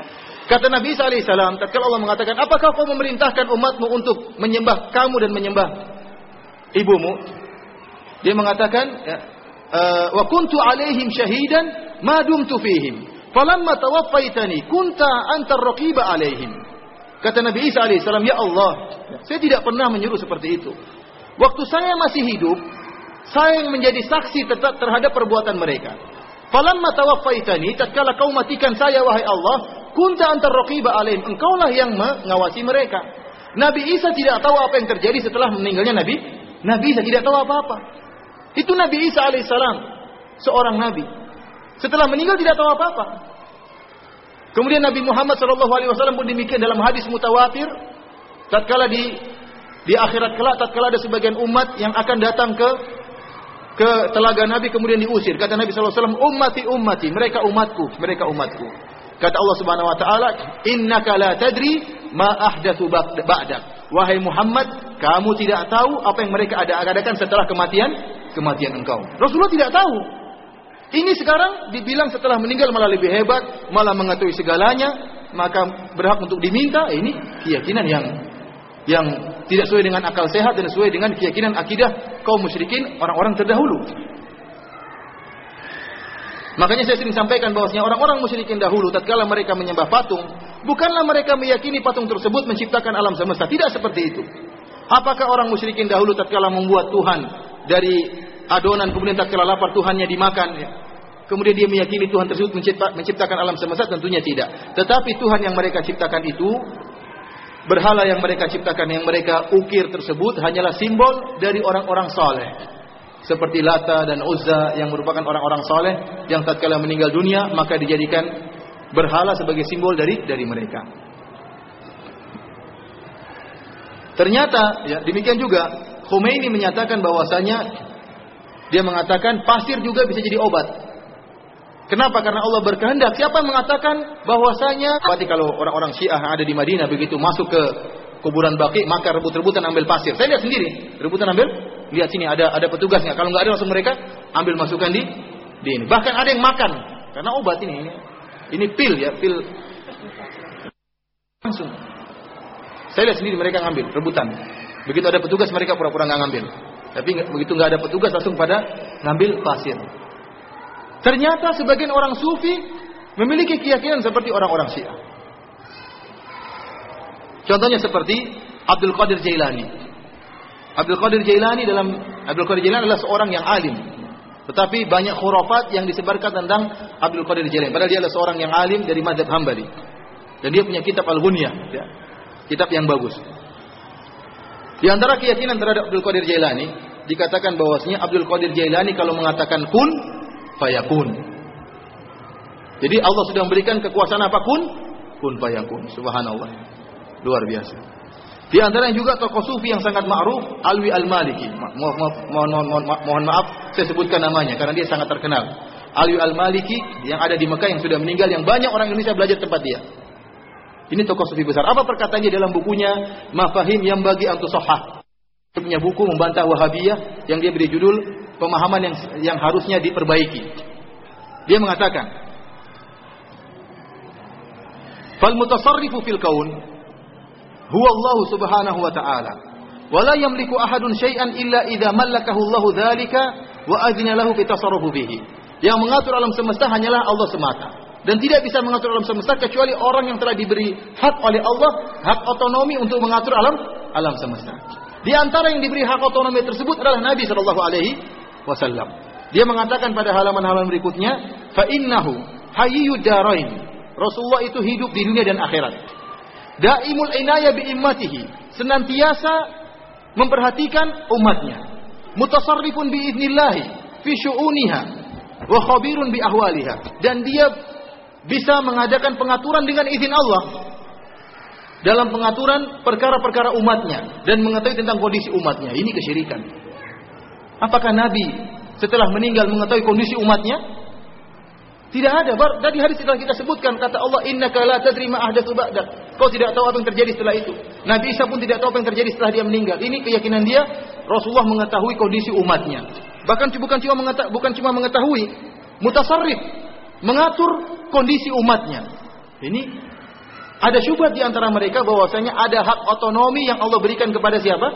Kepada Nabi Shallallahu Alaihi Wasallam dan juga Allah berikan kepada wali.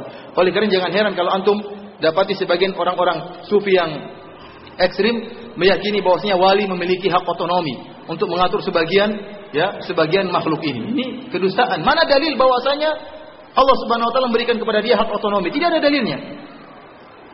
Bahkan malaikat yang Allah berikan ya hak untuk mengatur itu pun tidak bisa mengatur seenaknya. Harus berdasarkan perintah Allah Subhanahu wa taala, tidak ada hak otonomi. Tidak ada hak otonomi dalam alam semesta ini. Di antara tauhid rububiyah kita meyakini bahwasanya tidak ada yang mencipta dan mengatur alam semesta ini semata-mata kecuali Allah Subhanahu wa taala. Malaikat pun tidak bebas mengatur alam semesta, tidak. Bagaimana kemudian kita meyakini bahwasanya orang soleh diberi kemampuan, diberi hak otonomi untuk mengatur alam semesta. Ini kesyirikan yang ada dalam orang-orang Syiah dan juga di, diikuti oleh sebagian orang-orang Sufi. Sebagaimana kita katakan kepada Khomeini bahwasanya memang Allah kekuasaan Allah tidak terbatas dan Allah mampu menjadikan pasir sebagai obat. Tapi mana dalilnya bahwasanya pasir kuburan wali jadi obat? Mana dalilnya? Kita bilang jangankan pasir kotoran pun bisa jadi obat kalau Allah kehendaki. Tapi bahasanya mana dalilnya? Itu cuma hayalan. Oleh yang kita dapati sebagian kuburan para wali diambil pasirnya, dikeruk terus, harus ditimbun terus pasirnya karena dijadikan sarana untuk mencari keberkahan. Ikhwan fillah Allah iyakum. Itu mukaddimah sekarang kita masuk masuk dalam buku Idahram. Silakan buka pada halaman 119. Karena kita pengajian sampai jam 12 insya Allah antum sabar ya. Anda juga sabar. Salafi, Wahabi, Khawarij. Jadi ini uh, apa nama yang dipasang oleh idhram. Jadi namanya Salafi itu harus Khawarij. Ya. Salafi ini antum akan lihat banyak kekonyolan dan kelucuan yang dilakukan oleh idhram. Ya. ya nanti antum akan baca ya. Idhram ini ternyata bukan hanya pendongeng, dia juga apa uh, adalah suka suka melucu ya, suka melucu. Sebelumnya Anda jelaskan tentang hakikat Khawarij. Siapa mereka Khawarij? Dan Anda nukil antum lihat halaman 121. Ya. Ini ada yang mengatakan bahwasanya idahram itu aslinya marhadi. Takmir di JIC. Wallah alam ini kita nggak boleh nuduh sembarangan ya. Tapi kalau dia benar-benar idahram maka saya tantang dia untuk berdialog. Kalau dia mungkin sampai kepada dia perkataan saya ini, kalau dia benar-benar idahram, maka saya tantang dia untuk berdialog kalau dia memang jantan. Kalau dia memang jantan dan di atas kebenaran, saya tantang dia untuk berdialog. Tapi kalau dia pendusta, dia tidak usah berdialog dengan saya. Di sini saya jelaskan tentang siapa itu khawarij. Karena itu istilah, istilah syar'i. Khawarij istilah syar'i. Sebelum kita menuduh seorang khawarij, kita harus tahu apa itu hakikat khawarij untuk kita cocokkan. Sampai kita lihat sebagian orang dituduh ah, sururi. Kamu sururi itu apa? Sururi itu yang suka memberontak kepada pemerintah. Sururi adalah orang yang suka mengkafirkan orang. Sururi gini terus ini sururi. Nggak ada nggak ada kesamaan sama sekali. Tetap aja dipaksa menjadi apa?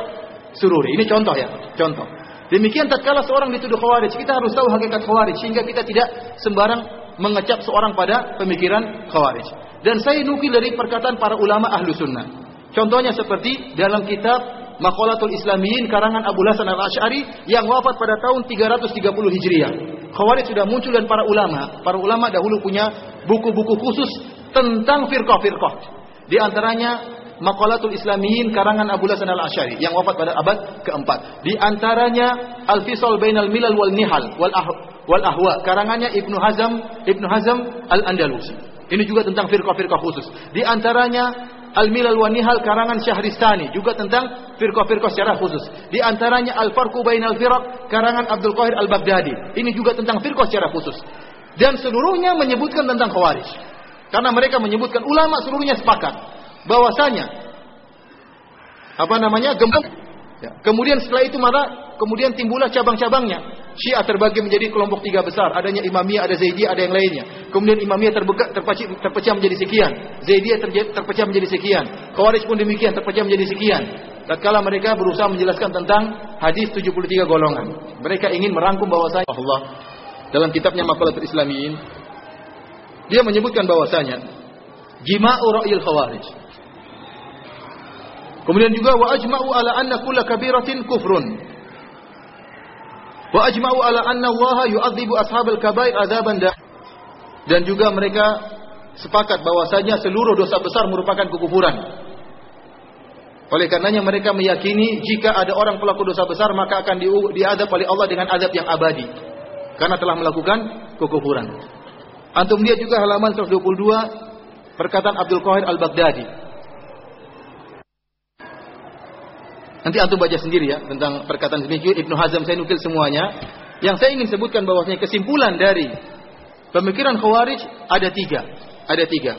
Lihat halaman 125. Lihat halaman 125. Pertama, orang-orang Khawarij mengkafirkan Ali dan juga dua hakim yaitu Abu Musa al-Asy'ari dan Ahmad bin As. Ini dikafirkan oleh Ali bin Abi oleh orang-orang Khawarij. Ali dan dua al-Hakamain dikafirkan oleh orang Khawarij. Ini akidah pertama Khawarij. Akidah yang kedua, mengkafirkan para pelaku dosa besar.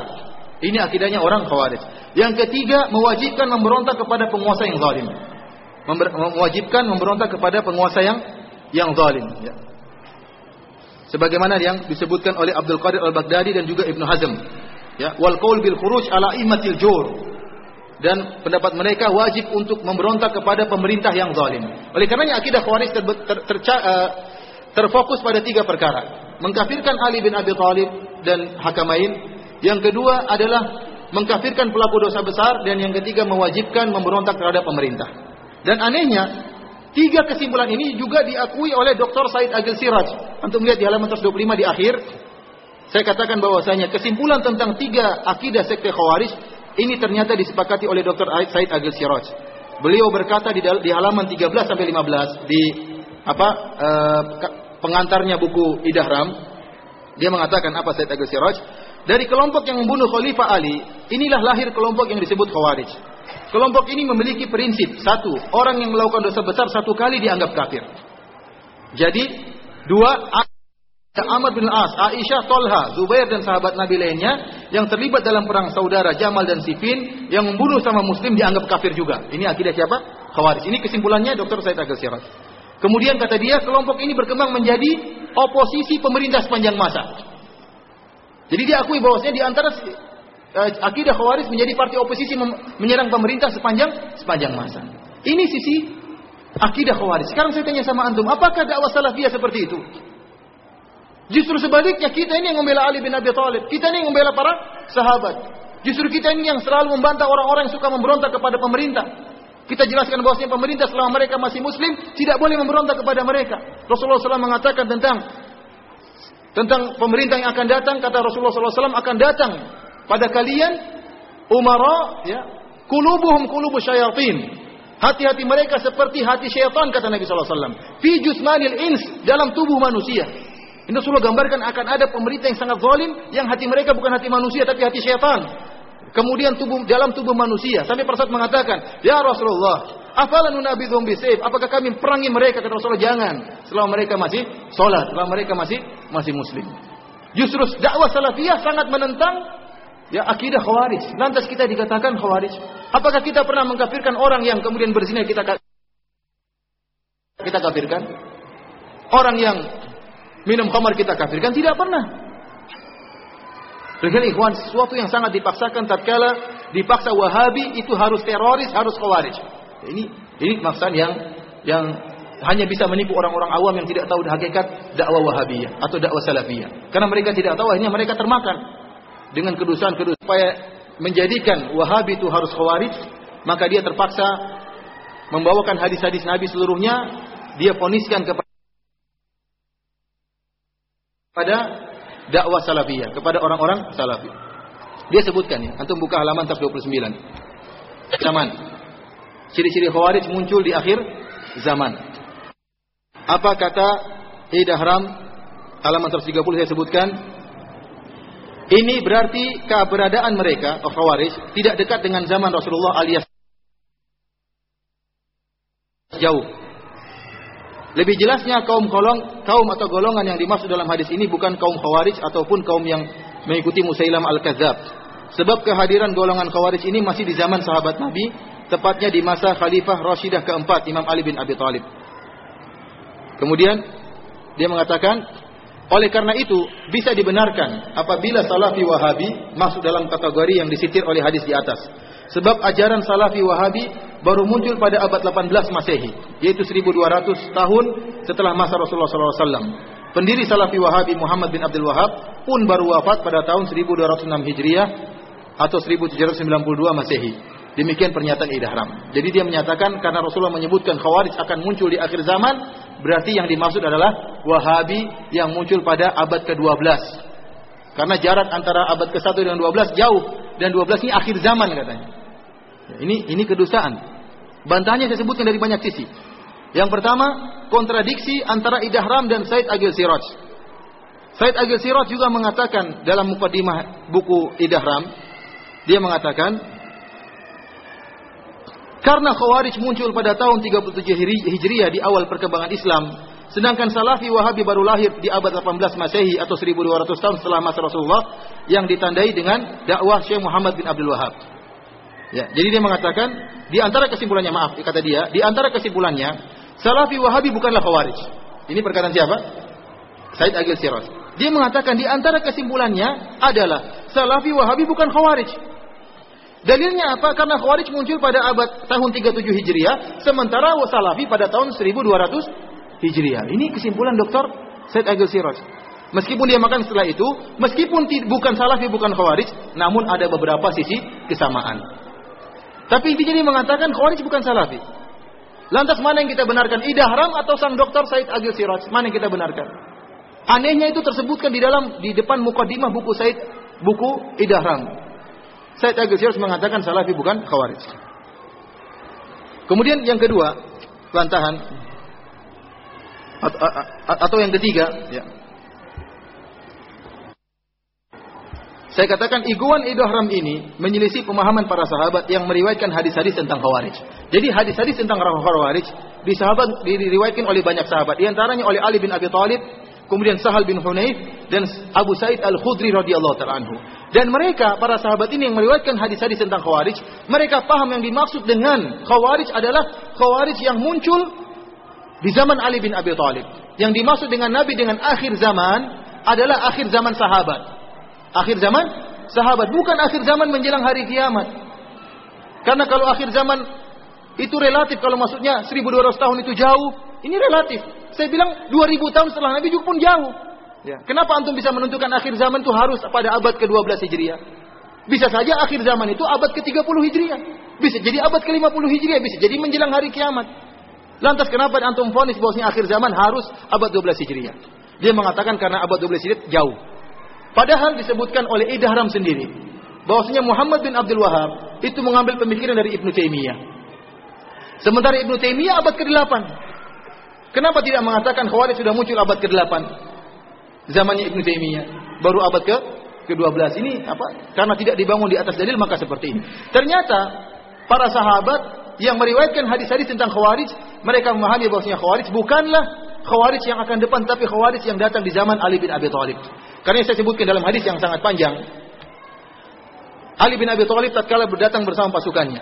Ali bin Abi Thalib pun ingin memerangi Khawarij. Dan Ali bin Abi Thalib mengatakan, saya mendengar Rasulullah SAW tentang keutamaan membunuh Khawarij. Maka dia pun merintahkan pasukannya untuk menyerang Khawarij tatkala itu.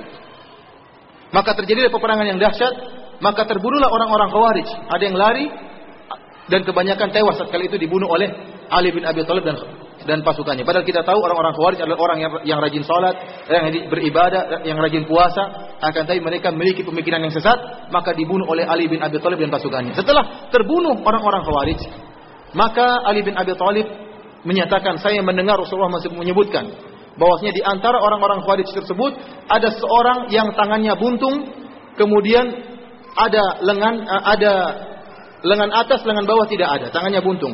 Dan di ujung lengan bawah tersebut ada semacam puting, ya, buah dada perempuan, ya, seperti semacam tai lalat besar, kemudian ada beberapa helai rambut di tai lalat besar tersebut.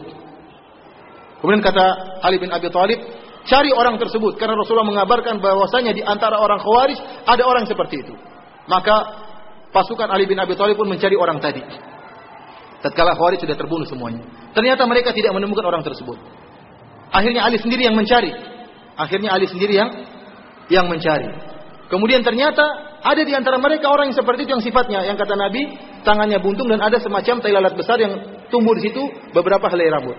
Ternyata dia berada di bagian mayat bagian bawah, ditumpuk-tumpuk oleh mayat yang lain. Setelah itu Ali pun membuka mayat yang lain, kemudian Ali melihat ada orang ini, maka Ali pun berkata, "Shadaqallah." Ya, sungguh benar Allah Subhanahu wa taala. Wa ballagha rasuluh dan Rasulullah benar-benar telah menyampaikan dari Allah Subhanahu wa taala. Akhirnya Abidah As-Salmani mengatakan, "Ya Amirul Mukminin, wallahi alladzi la ilahu, laqad sami'ta hadha min Rasulillah?" Kata Abidah As-Salmani radhiyallahu anhu, "Wahai Ali bin Abi Thalib, Amirul Mukminin, benarkah kau telah mendengar dari Nabi bahwasanya di antara orang Khawarij ada orang sifatnya seperti ini?" Kata Ali bin Abi Thalib, "Demi Allah, wallahi alladzi la ilaha illahu." Demi Allah saya mendengar langsung dari Nabi sallallahu alaihi wasallam. Jadi hadis-hadis tentang Khawarij ternyata Khawarij yang muncul di zaman Ali bukan yang muncul di zaman Syekh Muhammad bin Abdul Wahab. Ya. Buktinya apa? Ali memahami demikian sampai Ali memerangi mereka dan bunuh mereka dan yakin itulah orang Khawarij yang disebutkan oleh Nabi. Di antara buktinya mukjizat Nabi. Nabi menyatakan di antara orang-orang Khawarij ada orang yang seperti itu dan ternyata didapati oleh Ali bin Abi Thalib. Dan ini juga merupakan pemahaman Sahal bin Hunayf dan juga pemahaman Abu Sa'id Al-Khudri radhiyallahu taala anhu. Dan saya nukilkan di situ penjelasan Al-Hafidh Ibnu Hajar rahimahullah, salah seorang ulama besar dari madhab Syafi'i dalam kitabnya Fathul Bari menjelaskan bahwa yang dimaksud dengan akhir zaman adalah akhir zaman para sahabat dan itu yang dipahami oleh para perawi hadis tentang Khawarij. Yang lebih paham tentang hadis Khawarij, Idahram ataukah Ali bin Abi Thalib dan para sahabat? Tentunya para sahabat yang lebih paham tentang hadis-hadis tentang Khawarij. Dan pada halaman 139 Hah? Kita berusaha cepatnya. Jam setengah 12. Sambil kelebihan. Kelebihan. Enggak. Dapat jam lima. Masuk bang tadi jadi jam 12 kurang seperempat yang jawab. Nah, sekarang saya sepakat lagi. aja. Masuk jam lagi. Masih banyak. Jam baik ya? Iya.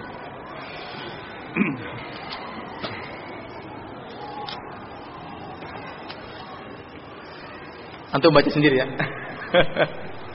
Waktunya sudah mau habis. Antum lihat halaman 146. 146.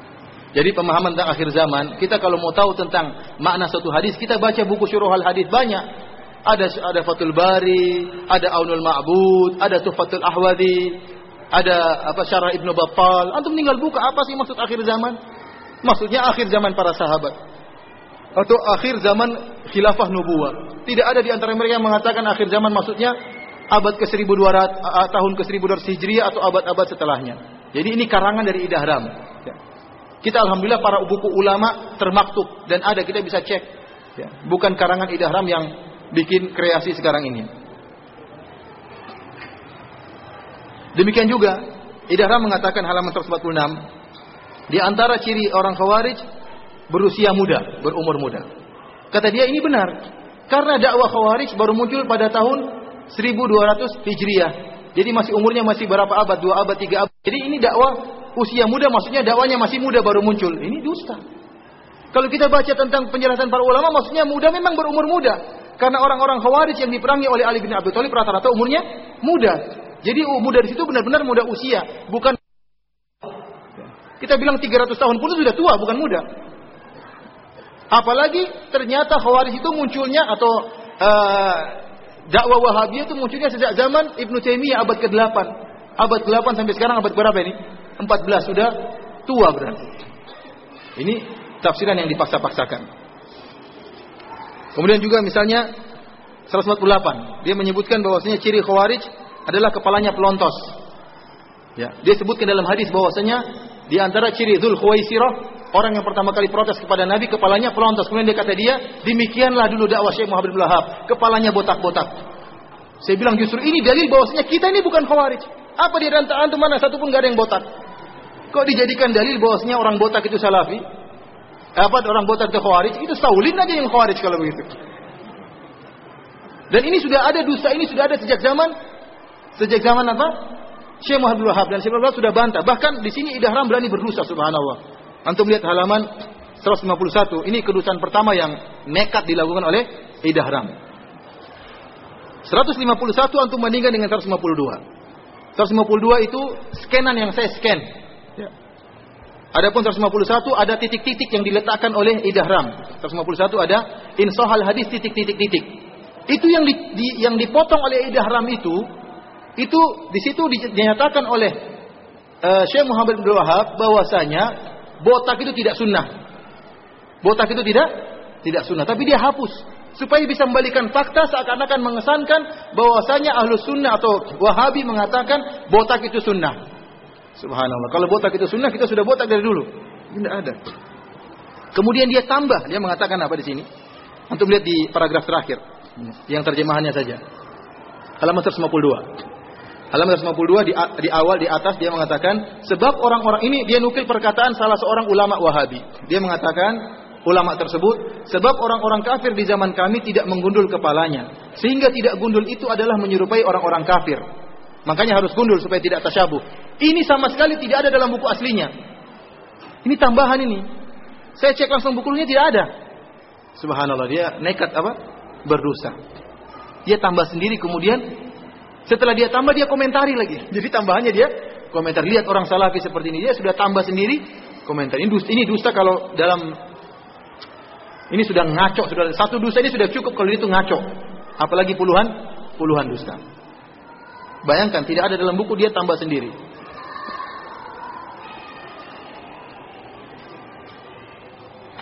Antum lihat juga ciri yang ketiga, halaman 157.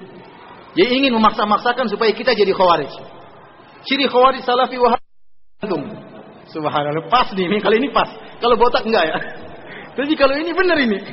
Benar. Dalilnya apa disebutkan di sini? Situ bahwasanya dalam Mustadrak dalam Sahihain ada tambahan rajulun muqallisu siyab dzu simain baina ainaihi atharu sujud. Disebutkan bahwasanya Zul Khuwaisirah yang protes kepada Nabi, nenek moyang Khawarij, ciri-cirinya apa? Dia adalah seorang yang meninggikan taubnya, apa namanya? Jubahnya. Kemudian uh, matanya apa? Uh, di antara kedua apa? Di, di antara dua pelipisnya ada bekas sujud hitam. Kemudian uh, disebutkan juga di sini simahumut tahlik kata Nabi ciri mereka adalah botak. Jadi sang rawi tatkala menceritakan tentang Zulkhuwaisirah, dia menyebutkan orang yang datang tersebut orangnya matanya ke dalam, jidatnya jidatnya apa? Jidatnya apa? Nonong ya. Jidatnya nonong, matanya cekung ke dalam, di antara jidatnya ada tanda hitam karena bekas sujud, celananya gantung. Tapi yang disebutkan ciri khusus oleh Nabi adalah gundul. Orang Nabi mengatakan, simahumut tahlik. Ciri-ciri mereka gundul. Adapun ciri-ciri sebelumnya itu hanyalah ciri-ciri fisik Zulkhuwaisirah. Yang jadi pembahasan kita, tidak semua ciri Zulkhuwaisirah merupakan ciri Khawarij. Hanya gundul saja yang merupakan ciri Khawarij karena itulah yang disebutkan oleh Nabi. Kata Nabi, simahumut tahlik. Ciri mereka pelontos. Yang lainnya hanya kebetulan ciri khus, ciri sang Khawarij tadi. Ciri Zulkhuwaisirah. Apakah setiap orang yang jidatnya nonong berarti Khawarij? Enggak. Apakah setiap orang yang ininya hitam berarti khawarij? Jidatnya hitam? Enggak. Apakah setiap orang yang matanya cekung adalah khawarij? Tentunya enggak. Demikian di antara ciri yang disebutkan tentang orang ini, dia celah apa namanya bajunya di atas mata mata kaki. Tapi itu bukan ciri khusus. Karena yang ciri khusus kata Nabi si mahumut tahlil. Bahwa cirinya adalah pelontos. Bahkan disebutkan, saya sebutkan di antum lihat perkataan idahram tatkala menghina. Kata dia apa? Celana di atas tumit itu tidak buruk, paling tidak untuk menghindari dari terkena najis atau kotoran. Tapi bukan suatu kemestian, asal jangan berlebihan hingga maaf seperti tukang pacul atau celana Hawaii. Kurang ajar. Anak tukilkan antum lihat halaman 161. Bagaimana ciri-ciri tentang Zulkhuwaisirah ini disebut dalam lafal yang lain. Karena tidak semua ciri, ya di antaranya orang Khawarij cirinya apa? Baca Quran. Di antara ciri Khawarij salat. Makanya tatkala ada seorang sahabat ingin bunuh Zulkhuwaisirah kata Nabi jangan, mungkin dia salat. Tapi apakah setiap ciri yang disebutkan tentang Zulkhuwaisirah itu merupakan ciri khas Khawarij? Tentunya enggak. Kalau begitu baca Quran juga apa? Ciri Khawarij. Salat juga ciri Khawarij. Semua orang yang jidatnya nonong Khawarij. Antum ada Khawarij Ada yang jidatnya nonong enggak? Khawarij. Yang matanya ke dalam juga Khawarij. Di antaranya disebut dalam hadis Mushammirul Izar. Orang ini sarungnya di atas mata kaki. Kita bilang kebanyakan kita tidak pakai sarung, alhamdulillah. Kita yang yang gantung celana. Kebanyakan antum juga tidak pakai jubah, saya aja yang pakai jubah. Yang sering malah pakai sarung gantung itu adalah para kiai. Iya enggak? Antum coba ke masjid-masjid kan kiai celananya sarungnya gantung. Itu khawarij semua kalau begitu. Justru kita yang tidak pakai sarung. Ini dalam hadis disebutkan musyammirul izar. Sarungnya diangkat. Ini subhanallah ini cara pemahaman yang ngaco yang yang disebut oleh idahram. Ini makanya saya bilang dia bukan hanya pendongeng tapi dia juga pelawak. Antum nanti baca sendirilah. Uh, masih banyak ya di sini juga tentang Tadi saya sudah ditegur sama Al Ustad Abdurrahman ya. Katanya sudah habis tinggal dua menit lagi. Kita loncat saja, ya, loncat saja.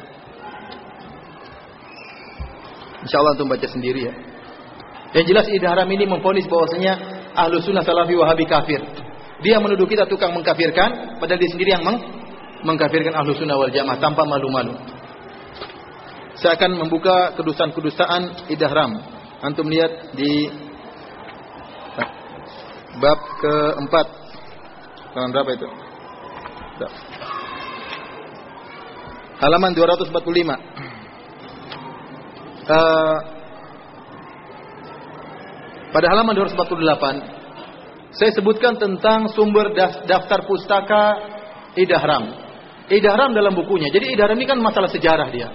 Dia nyebutkan sejarah begini dalam buku ini, buku ini ya. Ya orang yang baca, uh, luar biasa literaturnya. Kalau tidak dicek tidak tahu. Ternyata isinya dusta. Di antara literatur yang dijadikan daftar pustaka oleh pustaka oleh Idahram buku yang judulnya Guts Teroris ya. Ya, Guts apa? Teroris ya. Buku tersebut, antum lihat halaman 248 adalah karya seorang sejarawan Inggris kelahiran India. Ini buku dijadikan dalil untuk membantah apa? Wahabi. Yang ngarang orang mungkin orang kafir, bahkan orang Buddha. Bahkan dia punya buku membela agama Buddha. Ini dijadikan dalil untuk membantah apa? Wahabi. Sejarah tentang Wahabi bunuh sini bunuh sana. Karangannya orang orang kafir. Kemudian juga di antaranya buku Asijil At-Tarikhi li Al-Khalij wal Umam. Al-Awsat Al-Awsat wal wal Al-Jazira Al-Arabiyah. Ini buku bahasa Arab memang. Tapi ternyata buku ini merupakan terjemahan dari buku bahasa Inggris yang ditulis oleh penjajah Inggris yang mengemaki-maki Wahabi. Ini orang uh bukunya bahasa Arab. Ternyata terjemahan dari buku, buku bahasa Inggris yang ditulis oleh penjajah Inggris untuk pemerintahan Inggris. Kemudian dijadikan dalil untuk menghabisi apa? Wahabi. Literatur yang ketiga untuk melihat alam 249 Anda sebutkan dari buku orang-orang Syiah. Di antaranya buku Kashful Al-Irtiyab karya Muhsin Al-Amin yang merupakan salah seorang dari ulama Syiah.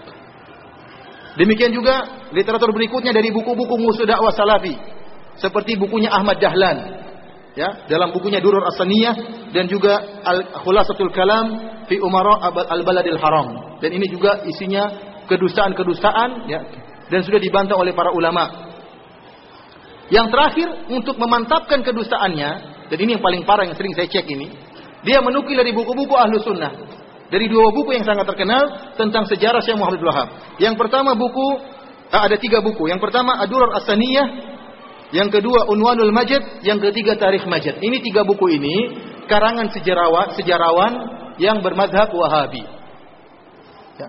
Adapun Unwanul Majid dan Tarikh Majid sejarawan bukan ulama yang ngarang. Ya, terkadang tatkala dia nulis ada semangat hamasa, tapi dia, mereka bukan ulama. Yang buku pertama ya Durar Asaniyah itulah kumpulan perkataan para ulama yang bermazhab atau berpemahaman ahlu sunnah wal jamaah atau yang dinamakan dengan Wahabiyah. Ini buku yang sering saya cek karena dia mengatakan lihat para Wahabi saja mengakui kesesatan ini, para Wahabi juga mengakui kriminal ini, pembantian ini. Ternyata isinya dusta semua.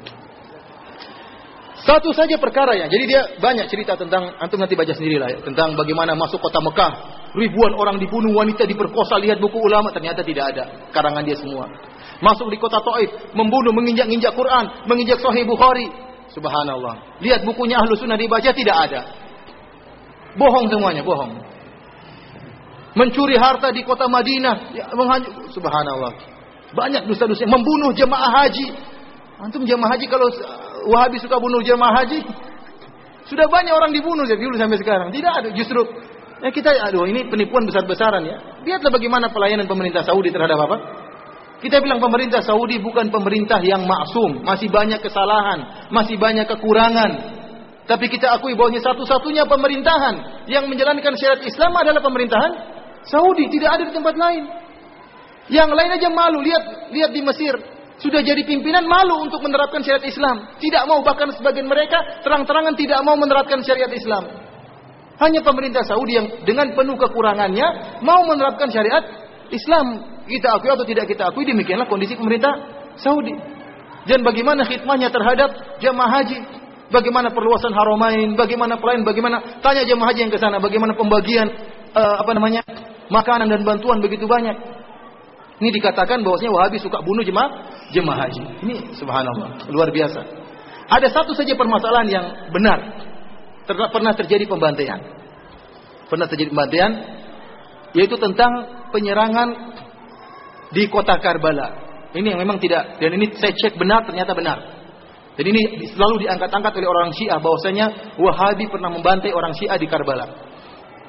Dan, dan dalam buku uh, Unwan al-Majid ya karangan Ibnu Bishr disebutkan bahwasanya pernah terjadi di zaman Saud bin Abdul Aziz, maka berangkatlah pasukan dari Saudi Arabia kemudian berangkat menuju Karbala. Kemudian terjadi pembantaian di sana sekitar 2000 orang. Ternyata setelah saya cek benar itu kenyataannya benar. Akan tapi kita harus melihat bagaimana sejarah. Karena ikhwan sejarah itu ya namanya cerita. Kalau tidak diriwayatkan dengan sanad yang sahih, maka sulit untuk kita buktikan kebenarannya. Seandainya saja saya bilang di sini, di Masjid Asra ini, ada dua orang berkelahi di luar masjid. Kemudian setelah berkelahi kita pisahkan, kita tanya, antum lihat setelah besok saja sudah versinya mungkin 10 versi. Padahal terjadi di hadapan mata kita, Namun kalau kita mau cerita tentang apa sebab terjadi perkelahian dua orang itu bisa jadi 10 versi, nggak tahu. Kenapa? Karena namanya dari mulut ke mulut ada perubahan. Akan tapi saya nukil sendiri dari perkataan Idahram. Ya. Idahram menyatakan dalam bukunya ya, bahwasanya ya antum lihat halaman 250. 250. Dia menyatakan bahwasanya penyerangan tersebut serangan dan serbuan itu terjadi pada hari Id Al-Ghadir. Jadi penyerangan terjadi pada hari Id Al-Ghadir ketika umat Islam Irak sedang memperingati wasiat Nabi kepada Sayyidina Ali yang berisi penunjukannya kepada khalifah setelah beliau wafat. Ini kasus peperangan sebab penyerangan yang disebutkan oleh Ida Haram sendiri. Antum tahu apa itu Id Al-Ghadir? Id Al-Ghadir itu pernyataan bahwasanya yang berhak menjadi khalifah setelah Muhammad sallallahu alaihi wasallam adalah Ali bin Abi Thalib. Inilah pusat kekufuran orang-orang Syiah. Karena dari sinilah timbul mazhab Imamiyah yang meyakini bahwasanya setelah Muhammad harusnya yang menjadi yang menjadi siapa? Yang menjadi khalifah adalah Ali bin Abi Thalib. Adapun Abu Bakar kafir karena telah merebut kekhalifahan. Kemudian Umar kafir, Utsman kafir dan terus pengkafiran berlanjut sampai sekarang karena kita semua mencintai Abu Bakar. Inilah hari yang pertama kali menimbulkan pemikiran Imamiyah. Oleh karenanya dari sini kita ketahui bahwa yang diserang oleh Suud bin Abdul Aziz memang benar orang-orang Syiah yang sedang merayakan apa? Kekuburan. Kenapa mereka menyerang? Disebutkan ya, saya lupa disebut oleh Idahram atau tidak yang jelas dalam buku dalam Unwan al-Majid ya disebutkan bahwasanya sebab penyerangan tersebut karena Suud bin Abdul Aziz ingin menghancurkan kubah yang ada di kuburan Hussein. Jadi pada hari tersebut Ya, orang-orang Syiah pada datang ke kuburan Hussein, kemudian melaksanakan acara mereka, ya, bertawasul di sana dan macam-macamnya, melakukan kesyirikan sebagaimana keyakinan Al-Khumaini minta kepada para orang-orang yang sudah mati, maka datanglah Suud bin Abdul Aziz untuk menghancurkan kubah tersebut. Inilah yang terjadi, kenyataan yang terjadi. Tatkala Suud bin Abdul Aziz ingin menghancurkan kubah yang dibangun di kuburan Hussein, maka datanglah orang-orang Syiah membela. Jadi mereka tidak ingin membunuh orang-orang Syiah tatkala itu. Tapi orang-orang Syiah yang datang membela agar agar Kubah tidak diruntuhkan. Oleh karenanya Suud bin Abil Aziz siapa saja yang menghalangi untuk menghancurkan Kubah maka dia serang tatkala itu. Dan itu ijtihad dari Suud bin Abdul Aziz. Karena dia melaksanakan perintah Nabi Shallallahu Alaihi Wasallam. Antum lihat halaman 255. Saya beri judul di situ, menghancurkan bangunan tinggi yang dibangun di atas kuburan merupakan perintah Nabi. Al Imam Muslim rahimahullah dalam sahihnya meriwayatkan hadis dari Abul Hayyaj Al-Asadi. Dia mengatakan, Qala li Ali bin Abi Thalib. Ali bin Abi Thalib berkata kepadaku, "Ala ab'atsuka ala ma ba'athani alaihi Rasulullah sallallahu alaihi wasallam? Ala tad'a timsalan illa tamastahu, wala qabran musyrifan illa sawaitahu." Kata Ali bin Abi Thalib, "Maukah aku tugaskan engkau sebagaimana Rasulullah menugaskan aku Jangan kau biarkan ada patung kecuali kau hancurkan dan jangan kau biarkan ada kuburan yang tinggi kecuali kau ratakan. Jadi Ali pernah ditugaskan khusus oleh Nabi untuk meratakan kuburan. Demikian juga hadis berikutnya, ya, hadis uh, Fadalah bin Ubaid, ya. Dia mengatakan di situ, ya muru bitaswiyatiha. Rasulullah SAW memerintahkan untuk meratakan kuburan. Oleh karenanya meratakan kuburan adalah sunnah Nabi Shallallahu Alaihi Wasallam. Bahkan Nabi pernah mengutus imam pertama orang Syiah yaitu Ali bin Abi Thalib untuk meratakan apa? Meratakan kuburan. Dan Ali bin Abi Thalib pernah mengutus Abu Hayyaj al-Asadi untuk meratakan juga kuburan. Ya kita ini sedang melaksanakan wasiat imam Syiah yang pertama untuk meratakan apa? Kuburan. Kenapa kalian protes?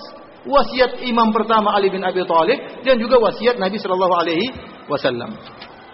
Dan inilah madhab Imam Syafi'i, madhab Syafi'iyah. Saya, makanya saya nukil pada halaman 259 fatwa dari Ibnu Hajar Al-Haytami. Ibnu Hajar Al-Haytami merupakan ulama Syafi'i paling top ya. Dia paling top setelah Imam Nawawi. Jadi banyak ulama Syafi'iyah, tapi ada namanya muhakkik. Yang namanya muhakkik itu dia yang paling ngerti tentang madhab Syafi'i. Jika dalam madhab Syafi'i ada beberapa pendapat, maka dia bisa mengetahui manakah pendapat madhab Syafi'i yang paling top, yang paling benar. Di antaranya Ibnu Hajar Al-Haytami. Ibnu Hajar Al-Haytami dalam kitabnya Al-Fatawa Al-Fiqhiyah Al-Kubra, dia menyatakan bahwasanya kubah yang dibangun di atas kuburannya Imam Syafi'i harus diruntuhkan. Dia berfatwa demikian, harus diruntuhkan dan ini merupakan kemungkaran kata dia. Adanya kubah yang dibangun di atas kuburannya siapa? Al-Imam Syafi'i. Oleh karena itu kita katakan Saud bin Abdul Aziz hanya melaksanakan wasiat Nabi Shallallahu Alaihi Wasallam untuk meratakan kuburan. Ternyata dihalangi, maka dia bertindak tatkala itu. Itu istihad dia sehingga terjadi pembunuhan. Dia tidak ingin membunuh secara langsung tidak, tapi datang ingin meruntuhkan kubah tiba-tiba dihalangi, terjadilah peperangan. Karena dia ingin melaksanakan apa? Nahi mungkar. Inilah satu-satunya pembantaian yang pernah terjadi. Namun ceritanya demikian sebagaimana yang saya katakan. Adapun kisah yang di Mekah, di Taif, di Madinah itu semua dusta dan antum bisa baca sendiri dalam uh, buku yang saya sebutkan dan saya katakan bahwasanya puluhan dustanya idahram, bukan cuma satu bahkan puluhan. Dan saya sebutkan di sini, ternyata peruntuhan Kubah itu juga pernah dilakukan oleh para ulama sebelumnya. Contohnya seperti yang dilakukan oleh uh, Al-Mutawakkil ya. Sebagaimana disebutkan oleh Al-Imam Ibnu Katsir dalam Bidayah wa Nihayah. Antum lihat halaman 264. 264 ana sebutkan bahwasanya Amar al-Mutawakkil bihadmi qabril Husain. Al-Mutawakkil pernah memerintahkan untuk menghancurkan kuburan Al-Husain bin Ali bin Abi Talib. Wa ma haulahu minal manazil wa dur. Bahkan bukan cuma kuburannya, rumah-rumah di sekitar kuburan juga harus dihancurkan. Ini pernah terjadi pada tahun 236 Hijriah atas perintah Al-Mutawakkil. Jadi sebelum Su'ud bin Abdullah juga pernah pernah terjadi. Demikian juga saya sebutkan halaman 263. Biografi dari Al Harith bin Miskin. Di antara keutamaan dia disebutkan dalam biografinya bahwasanya wahadama masjidan kada qad banahu khurasaniyun bainal kubur. Bahwasanya Al Harith bin Miskin pernah menghancurkan sebuah masjid yang dibangun di antara kuburan. Ada kuburan-kuburan di tengah-tengahnya dibangun masjid dihancurkan oleh Haris bin Miskin ya pada yang wafat pada tahun 250 Hijriah. Oleh karenanya penghancuran kubah atau penghancuran masjid yang dibangun di atas kebatilan merupakan sunnah Nabi Shallallahu Alaihi Wasallam sebagaimana sebelumnya Nabi Wasallam pernah menghancurkan masjid Dirar. Allah Taala alam bisawab ya mungkin sampai di sini saja uh, sekilas tentang uh, bedah buku yang bisa saya sebutkan. Selanjutnya saya harapkan kepada ikhwas sekalian membaca langsung Ya, antum bisa lihat koleksi dusta yang saya kumpulkan dari Edah Ram. Sebenarnya saya ingin merinci satu persatu hanya saja waktu yang tidak mengizinkan. Selanjutnya saya kembalikan kepada Al-Ustaz uh, Abdurrahman Hafizahullah Ta'ala. Saudaraku seiman di mana pun Anda, sesi materi dari kajian dengan tema menepis tuduhan terhadap dakwah salafiyah, membongkar kedustaan dari uh, seseorang yang bernama Idahram dalam buku-bukunya terhadap dakwah salafiyah yang disampaikan oleh Al Ustaz Abu Abdul Musin Firanda Andirsya Hafirullah. Untuk selanjutnya kita akan memasuki sesi tanya jawab berikut ini. yang ada di Indonesia sekarang ini, ya. Ah, ini butuh penelitian, butuh penelitian. Tapi ada tokoh-tokoh Syiah yang ma'ruf seperti Jalaluddin Rahmat ya, itu Syiah yang ma'ruf dan uh, dia punya yayasan tentang Syiah. Adapun tokoh-tokoh yang beragama Syiah ya atau beraliran Syiah berbeda dengan tokoh-tokoh yang pendukung Syiah ya. Tidak semua yang mendukung Syiah kita katakan dia berakidah Syiah. Ya. Tidak semua yang mendukung Syiah dia kita katakan berakidah Syiah, tapi sebagian mereka mendukung atau membolehkan uh, tersebarnya pemikiran Syiah di tanah air kita. Gimana kedudukannya Ustadz Islam Syiah Pak Ustadz? Apakah masih dikatakan seorang Muslim? Gimana kalau dia meninggalkan meninggal apakah perlu disolati? Terima kasih atas jawabannya. Saya bilang ya takfir ada namanya takfir mutlak, ada namanya takfir muayyan. Mengkafirkan secara mutlak kita bicara tentang hukum.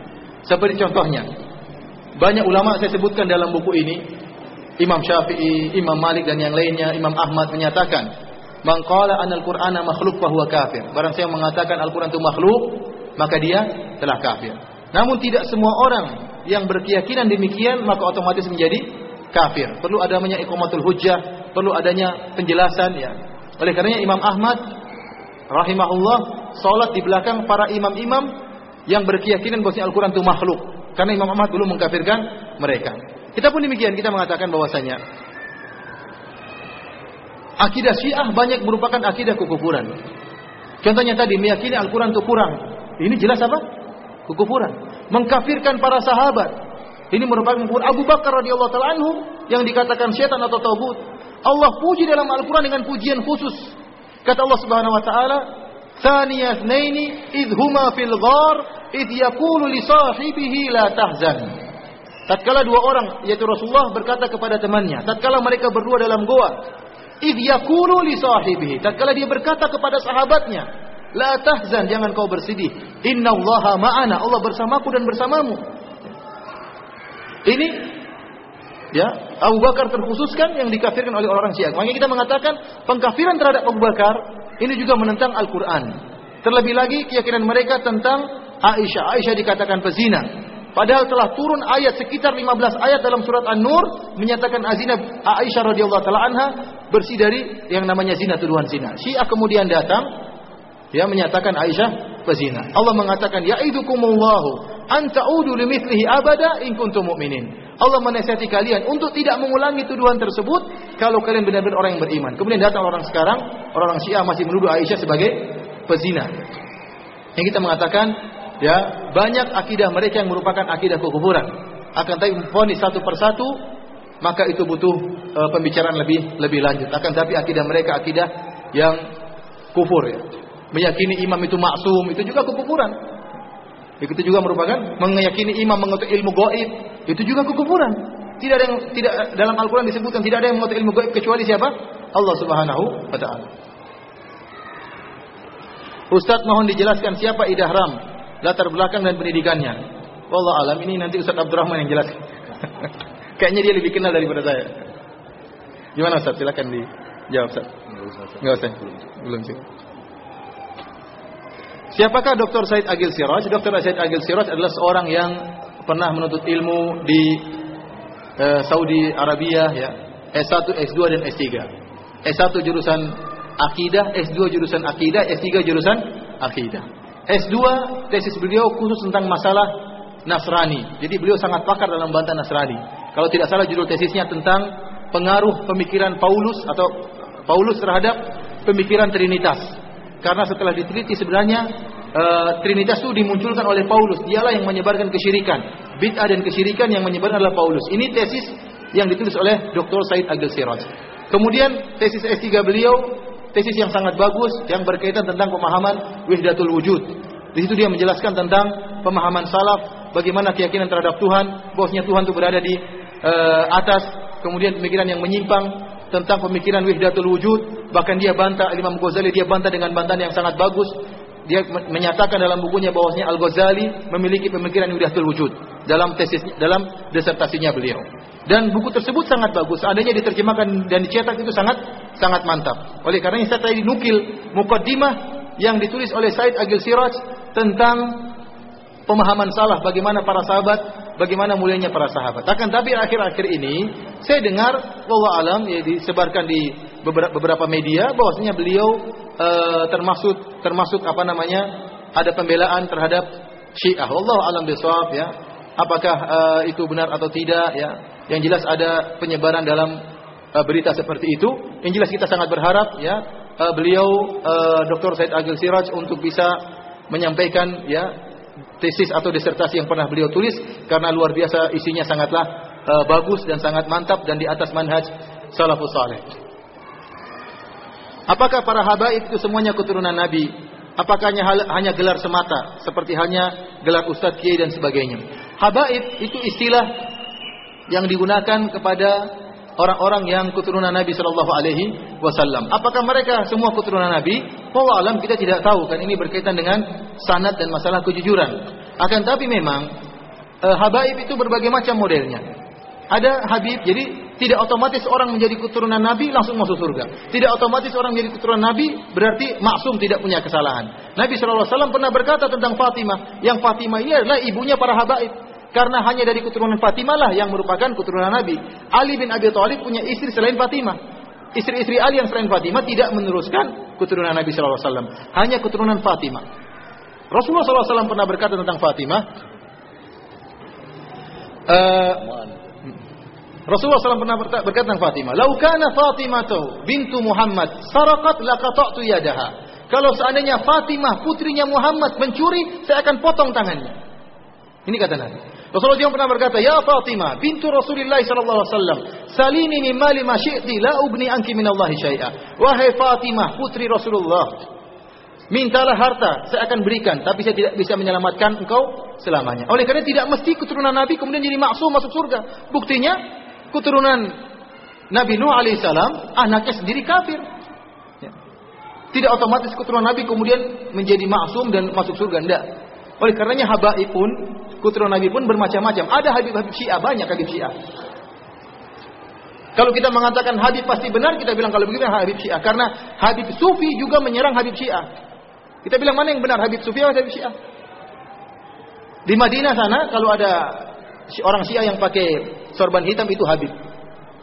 Kalau sorban putih itu bukan Habib, tapi Syiah, ulama Syiah. Tapi kalau dia sudah pakai sorban hitam, dia ulama Syiah dan juga Habib. Dan subhanallah di, di, di, di, pernah diadakan penelitian, penelitian besar-besaran. Dan pemeriksaan DNA. Antum bisa cari di YouTube ya kalau antum bisa bahasa Arab, antum coba tulis tentang DNA. Jadi ada seorang keluar di televisi, dia pakar dalam masalah DNA. Dia menukilkan tentang ahli DNA dari uh, yang ada di dunia ini yang menukil tentang jenis-jenis DNA. Setiap misalnya DNA-nya orang India ada rumusnya. DNA-nya orang Asia ada rumusnya. DNA-nya orang Arab ada rumusnya. DNA-nya orang Persia ada rumusnya.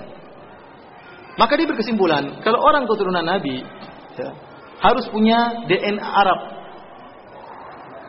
Setelah diambil beberapa sampel dari Habib-Habib Syiah, ternyata DNA-nya rumusnya DNA orang Persia. Nah, ini repot. Tapi kita bilang kita husnuzan. Ya, kalau ada yang mengaku dia sebagai cucu Nabi, kita bilang kita husnuzan. Bahkan kalau ada Habib, ya, ada seorang Habib dan ada selain Habib, sama-sama alim maka yang Habib yang harus kita dahulukan. Tetapi kata Allah Subhanahu wa taala, "Inna akramakum indallahi atqakum." Dan bahwasanya yang paling bertakwa di sisi Allah dan yang paling yang paling mulia di sisi Allah yang paling bertakwa justru karena kecintaan kita kepada keturunan Nabi kalau memang itu keturunan Nabi maka kita nasihati mereka agar kembali kepada ajaran leluhur mereka dan ini yang dilakukan oleh para Habib Habib Wahabi dalam buku saya kritik terhadap sang Habib saya sebutkan bagaimana para Habib-Habib Wahabi menasihati Habib-Habib Sufi agar meninggalkan bid'ah Maulid Nabi Shallallahu Alaihi Wasallam. Jadi ada Habib Sufi, ada Habib Wahabi, Syiah. Antum ikut yang mana? Ustadz Ahlul Bidah menuduh ulama salafi merubah dan mentahrik kitab ulama terdahulu.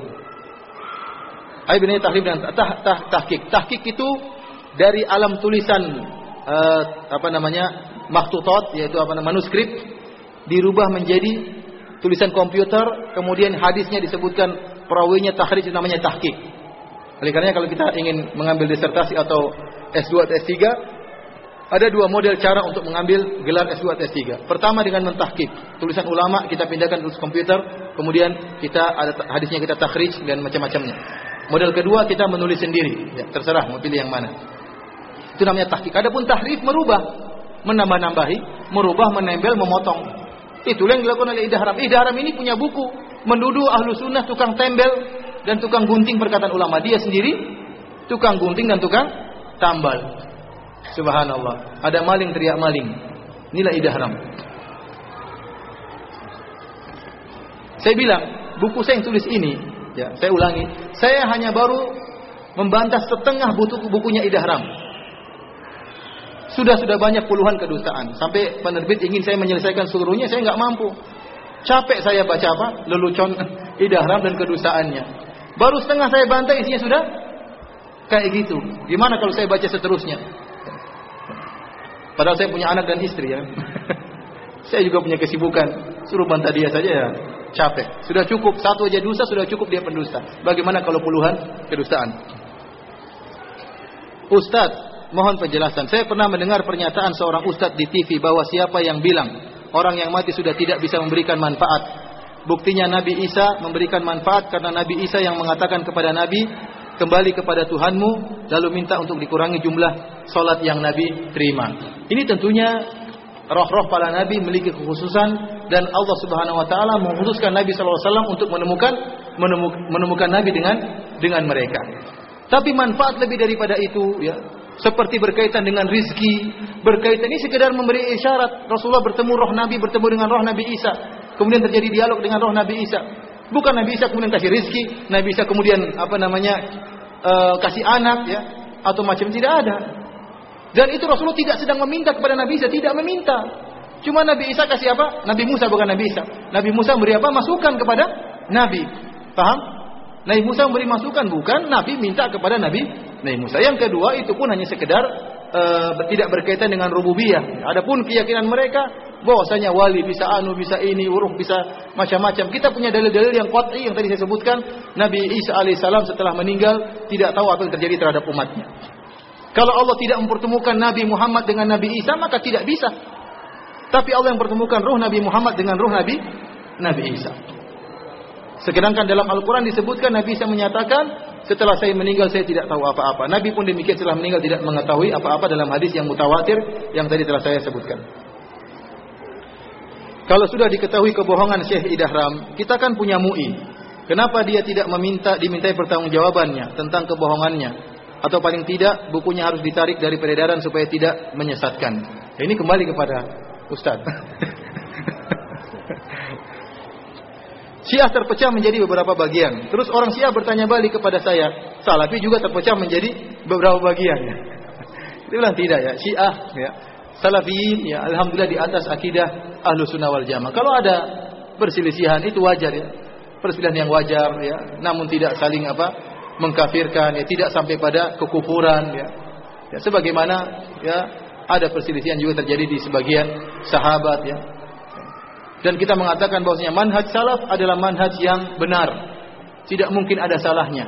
Karena manhaj yang dibangun di atas Al-Quran dan Sunnah. Yang salah adalah anggotanya. Makanya seorang salafi tidak mewakili manhaj salaf. Betapa banyak orang ngaku salafi tidak tidak melaksanakan manhaj salaf ya. Betapa banyak orang salafi yang kemudian misalnya tidak rajin beribadah sebagaimana ya, yang seharusnya atau sebagian salafi yang ternyata tidak bisa menjaga lisannya ya. Makanya manhaj salaf adalah manhaj yang sempurna. Akan tapi pelakunya atau apa namanya e, anggotanya tidak mesti dan tidak maksum, tidak maksum dan mungkin terjadi kesalahan, salah paham tentang manhaj salaf. Seharusnya manhaj salaf tidak demikian, dia salah paham. Ya. Sehingga akhirnya dia salah salah praktek. Atas dasar apa orang Syiah sangat memuliakan Ali dan mengkafirkan para sahabat? Allah alam bisawab. Saya juga tidak tahu ya. Apa karena mereka menyatakan adanya alul bait ya. Saya tidak tahu sebab kenapa mereka begitu mengagungkan Ali bin Abi Thalib dan kafirkan para sahabat yang lain. Allah alam bisawab. Ustadz ada hadis yang menyatakan bahwasanya Rasulullah berdoa bahwa kota Yaman diberkahi sedangkan kota Najd Rasulullah enggan untuk mendoakannya. Yang jadi pertanyaan berkah di kota Yaman itu yang didoakan oleh Rasulullah maksudnya apa? Apakah berkah ilmunya? Karena banyak para habib berdalil dengan kota Yaman yang di sana banyak sufi. Bilang di Yaman juga banyak ahlu sunnah. Yang diberkahi juga di di, di, di, di antara penduduk Yaman banyak dakwah apa? Banyak ulama ahlu ahlu sunnah. Yang dimaksud diberkahi Nabi yang mana? Adapun doa Nabi terhadap kota Madinah sak gudang hadisnya. Dan situ banyak salafi di Madinah. Mau menang-menangan yang mana? Doa terhadap Yaman atau Madinah? Minimal Dajjal masuk di Yaman. Tapi Dajjal tidak akan masuk Madinah dan Mekah. Kalau hanya berdalil dengan begini-begini kita bilang wah ini bukan dalil. Pertama karena di Yaman pun ada banyak ulama ahlu ahlu sunnah.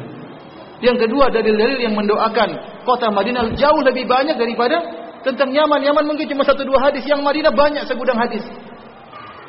Manakah yang benar Nabi Isa telah wafat sebagaimana yang antum jelaskan atau Nabi Isa belum mati hanya Allah angkat ke langit? Yang benar Nabi Isa alaihissalam wafat di sini maksudnya diangkat ke ke langit, keluar dari uh, apa namanya alam dunia dan diangkat ke langit di sisi Allah Subhanahu wa taala. Karena hadis-hadis yang mutawatir menunjukkan Nabi Isa akan turun di akhir di akhir zaman.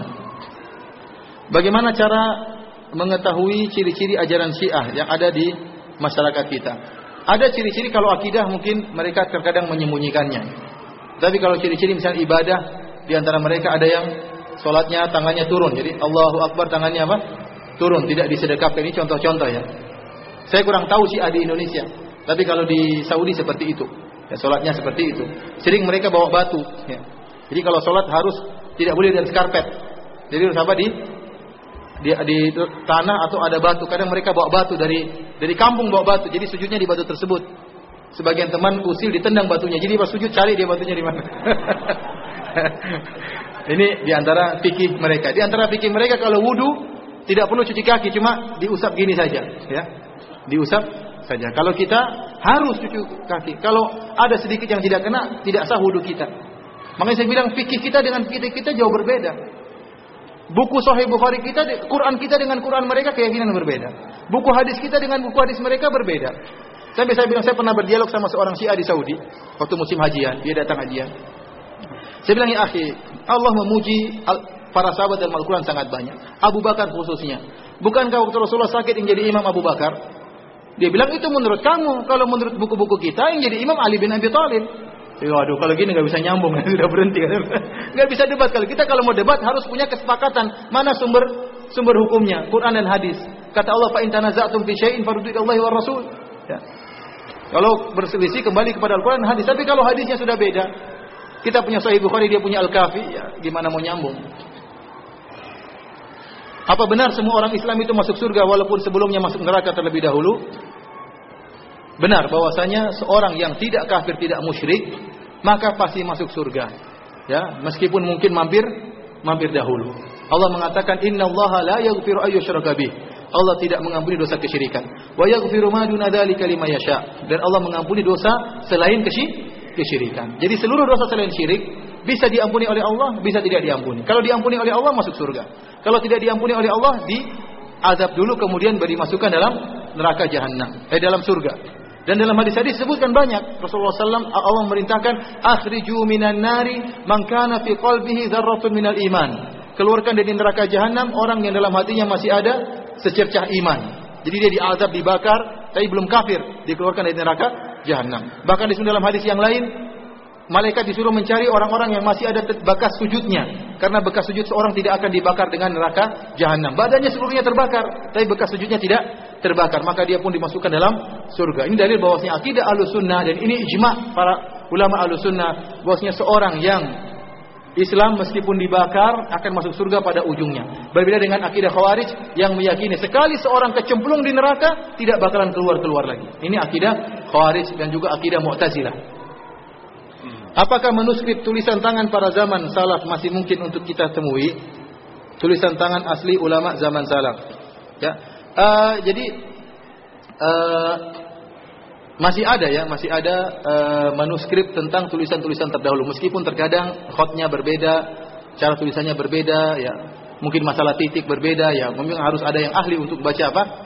manuskrip. Tapi kalau sudah manuskrip abad ke-8 ke atas ya itu lebih mudah ya ya, lebih mudah. Ya manusia yang terdahulu pun masih ada karena terus ber, ber, berlangsung. Jadi ditulis oleh para ulama disalin lagi oleh murid-muridnya disalin lagi oleh murid-muridnya. Belum ada mesin fotokopi waktu itu. Jadi uh, para ulama yang asli Imam Bukhari nulis banyak muridnya yang nyalin. Makanya kalau kita Sahih Bukhari ada riwayat Mustamli, riwayat Fulan, riwayat Fulan. Itu murid-murid Imam, Imam Bukhari yang menyalin kitab Sahih Al Bukhari dan dijaga oleh Allah Subhanahu wa taala. Karena Allah berfirman, "Inna nahnu nazzalna dzikra wa inna lahu lahafizun." Kami yang akan menjaga Quran dan kami eh, kami yang menurunkan Quran dan kami yang akan menjaga Al-Quran. Para ulama menyatakan di antara konsekuensi kelaziman dari penjagaan Al-Quran, penjagaan hadis-hadis Nabi Shallallahu Alaihi Wasallam. Karena hadis adalah penjelasan dari Al-Quran.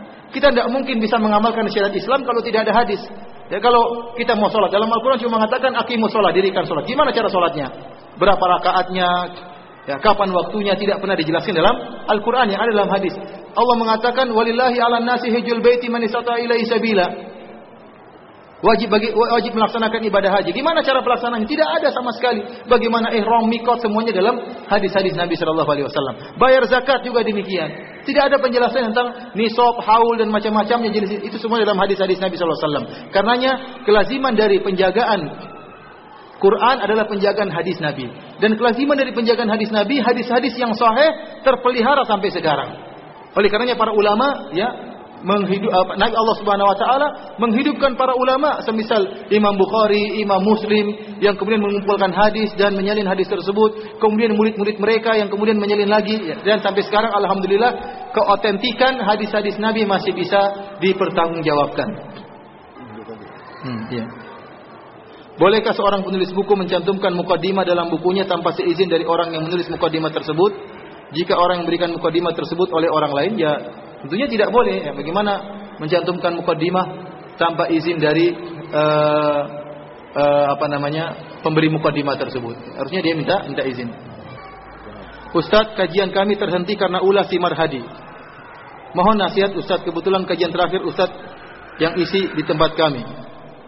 Kebetulan kajian terakhir Ustadz yang isi di tempat kami. Maksud saya maksudnya. Waduh. Eh sabarlah, sabar ya. Antum sabar saja lah. Antum e, kalau antum bantah dengan ilmiah ya, tidak perlu pakai kekerasan, tidak perlu ya. Kita jelaskan dia secara ilmiah. Kalau dia salah, kalau dia pendusta. Ini saya tidak tahu ini marhadi ini benar-benar haram atau tidak. Ya. Saya penasaran juga ya, ingin tahu apakah marhadi ini si idah haram ataukah idah haram ini Abu Salafi ataukah dia hanya seorang ataukah ada tim Allah alam bisawab ya. Yang jelas dia kadzab, pen, pendusta. Baik Abu Salafi maupun idah haram sama-sama pendusta. Sudah. Uh, demikian saja uh, ikhwani fillah azani Allah ayyakum uh, apa yang bisa kita sampaikan pada kesempatan kali ini kurang lebihnya saya mohon maaf ya kita berharap semoga Allah Subhanahu wa taala ya menunjukkan kepada masyarakat tanah air Indonesia kepada tauhid Allah Subhanahu wa taala dan sunnah Nabi sallallahu alaihi wasallam dan menjauhkan mereka dari kesyirikan dan praktek-praktek bid'ah ya. Demikian saja. Wabillahi taufik wal hidayah. Assalamualaikum warahmatullahi wabarakatuh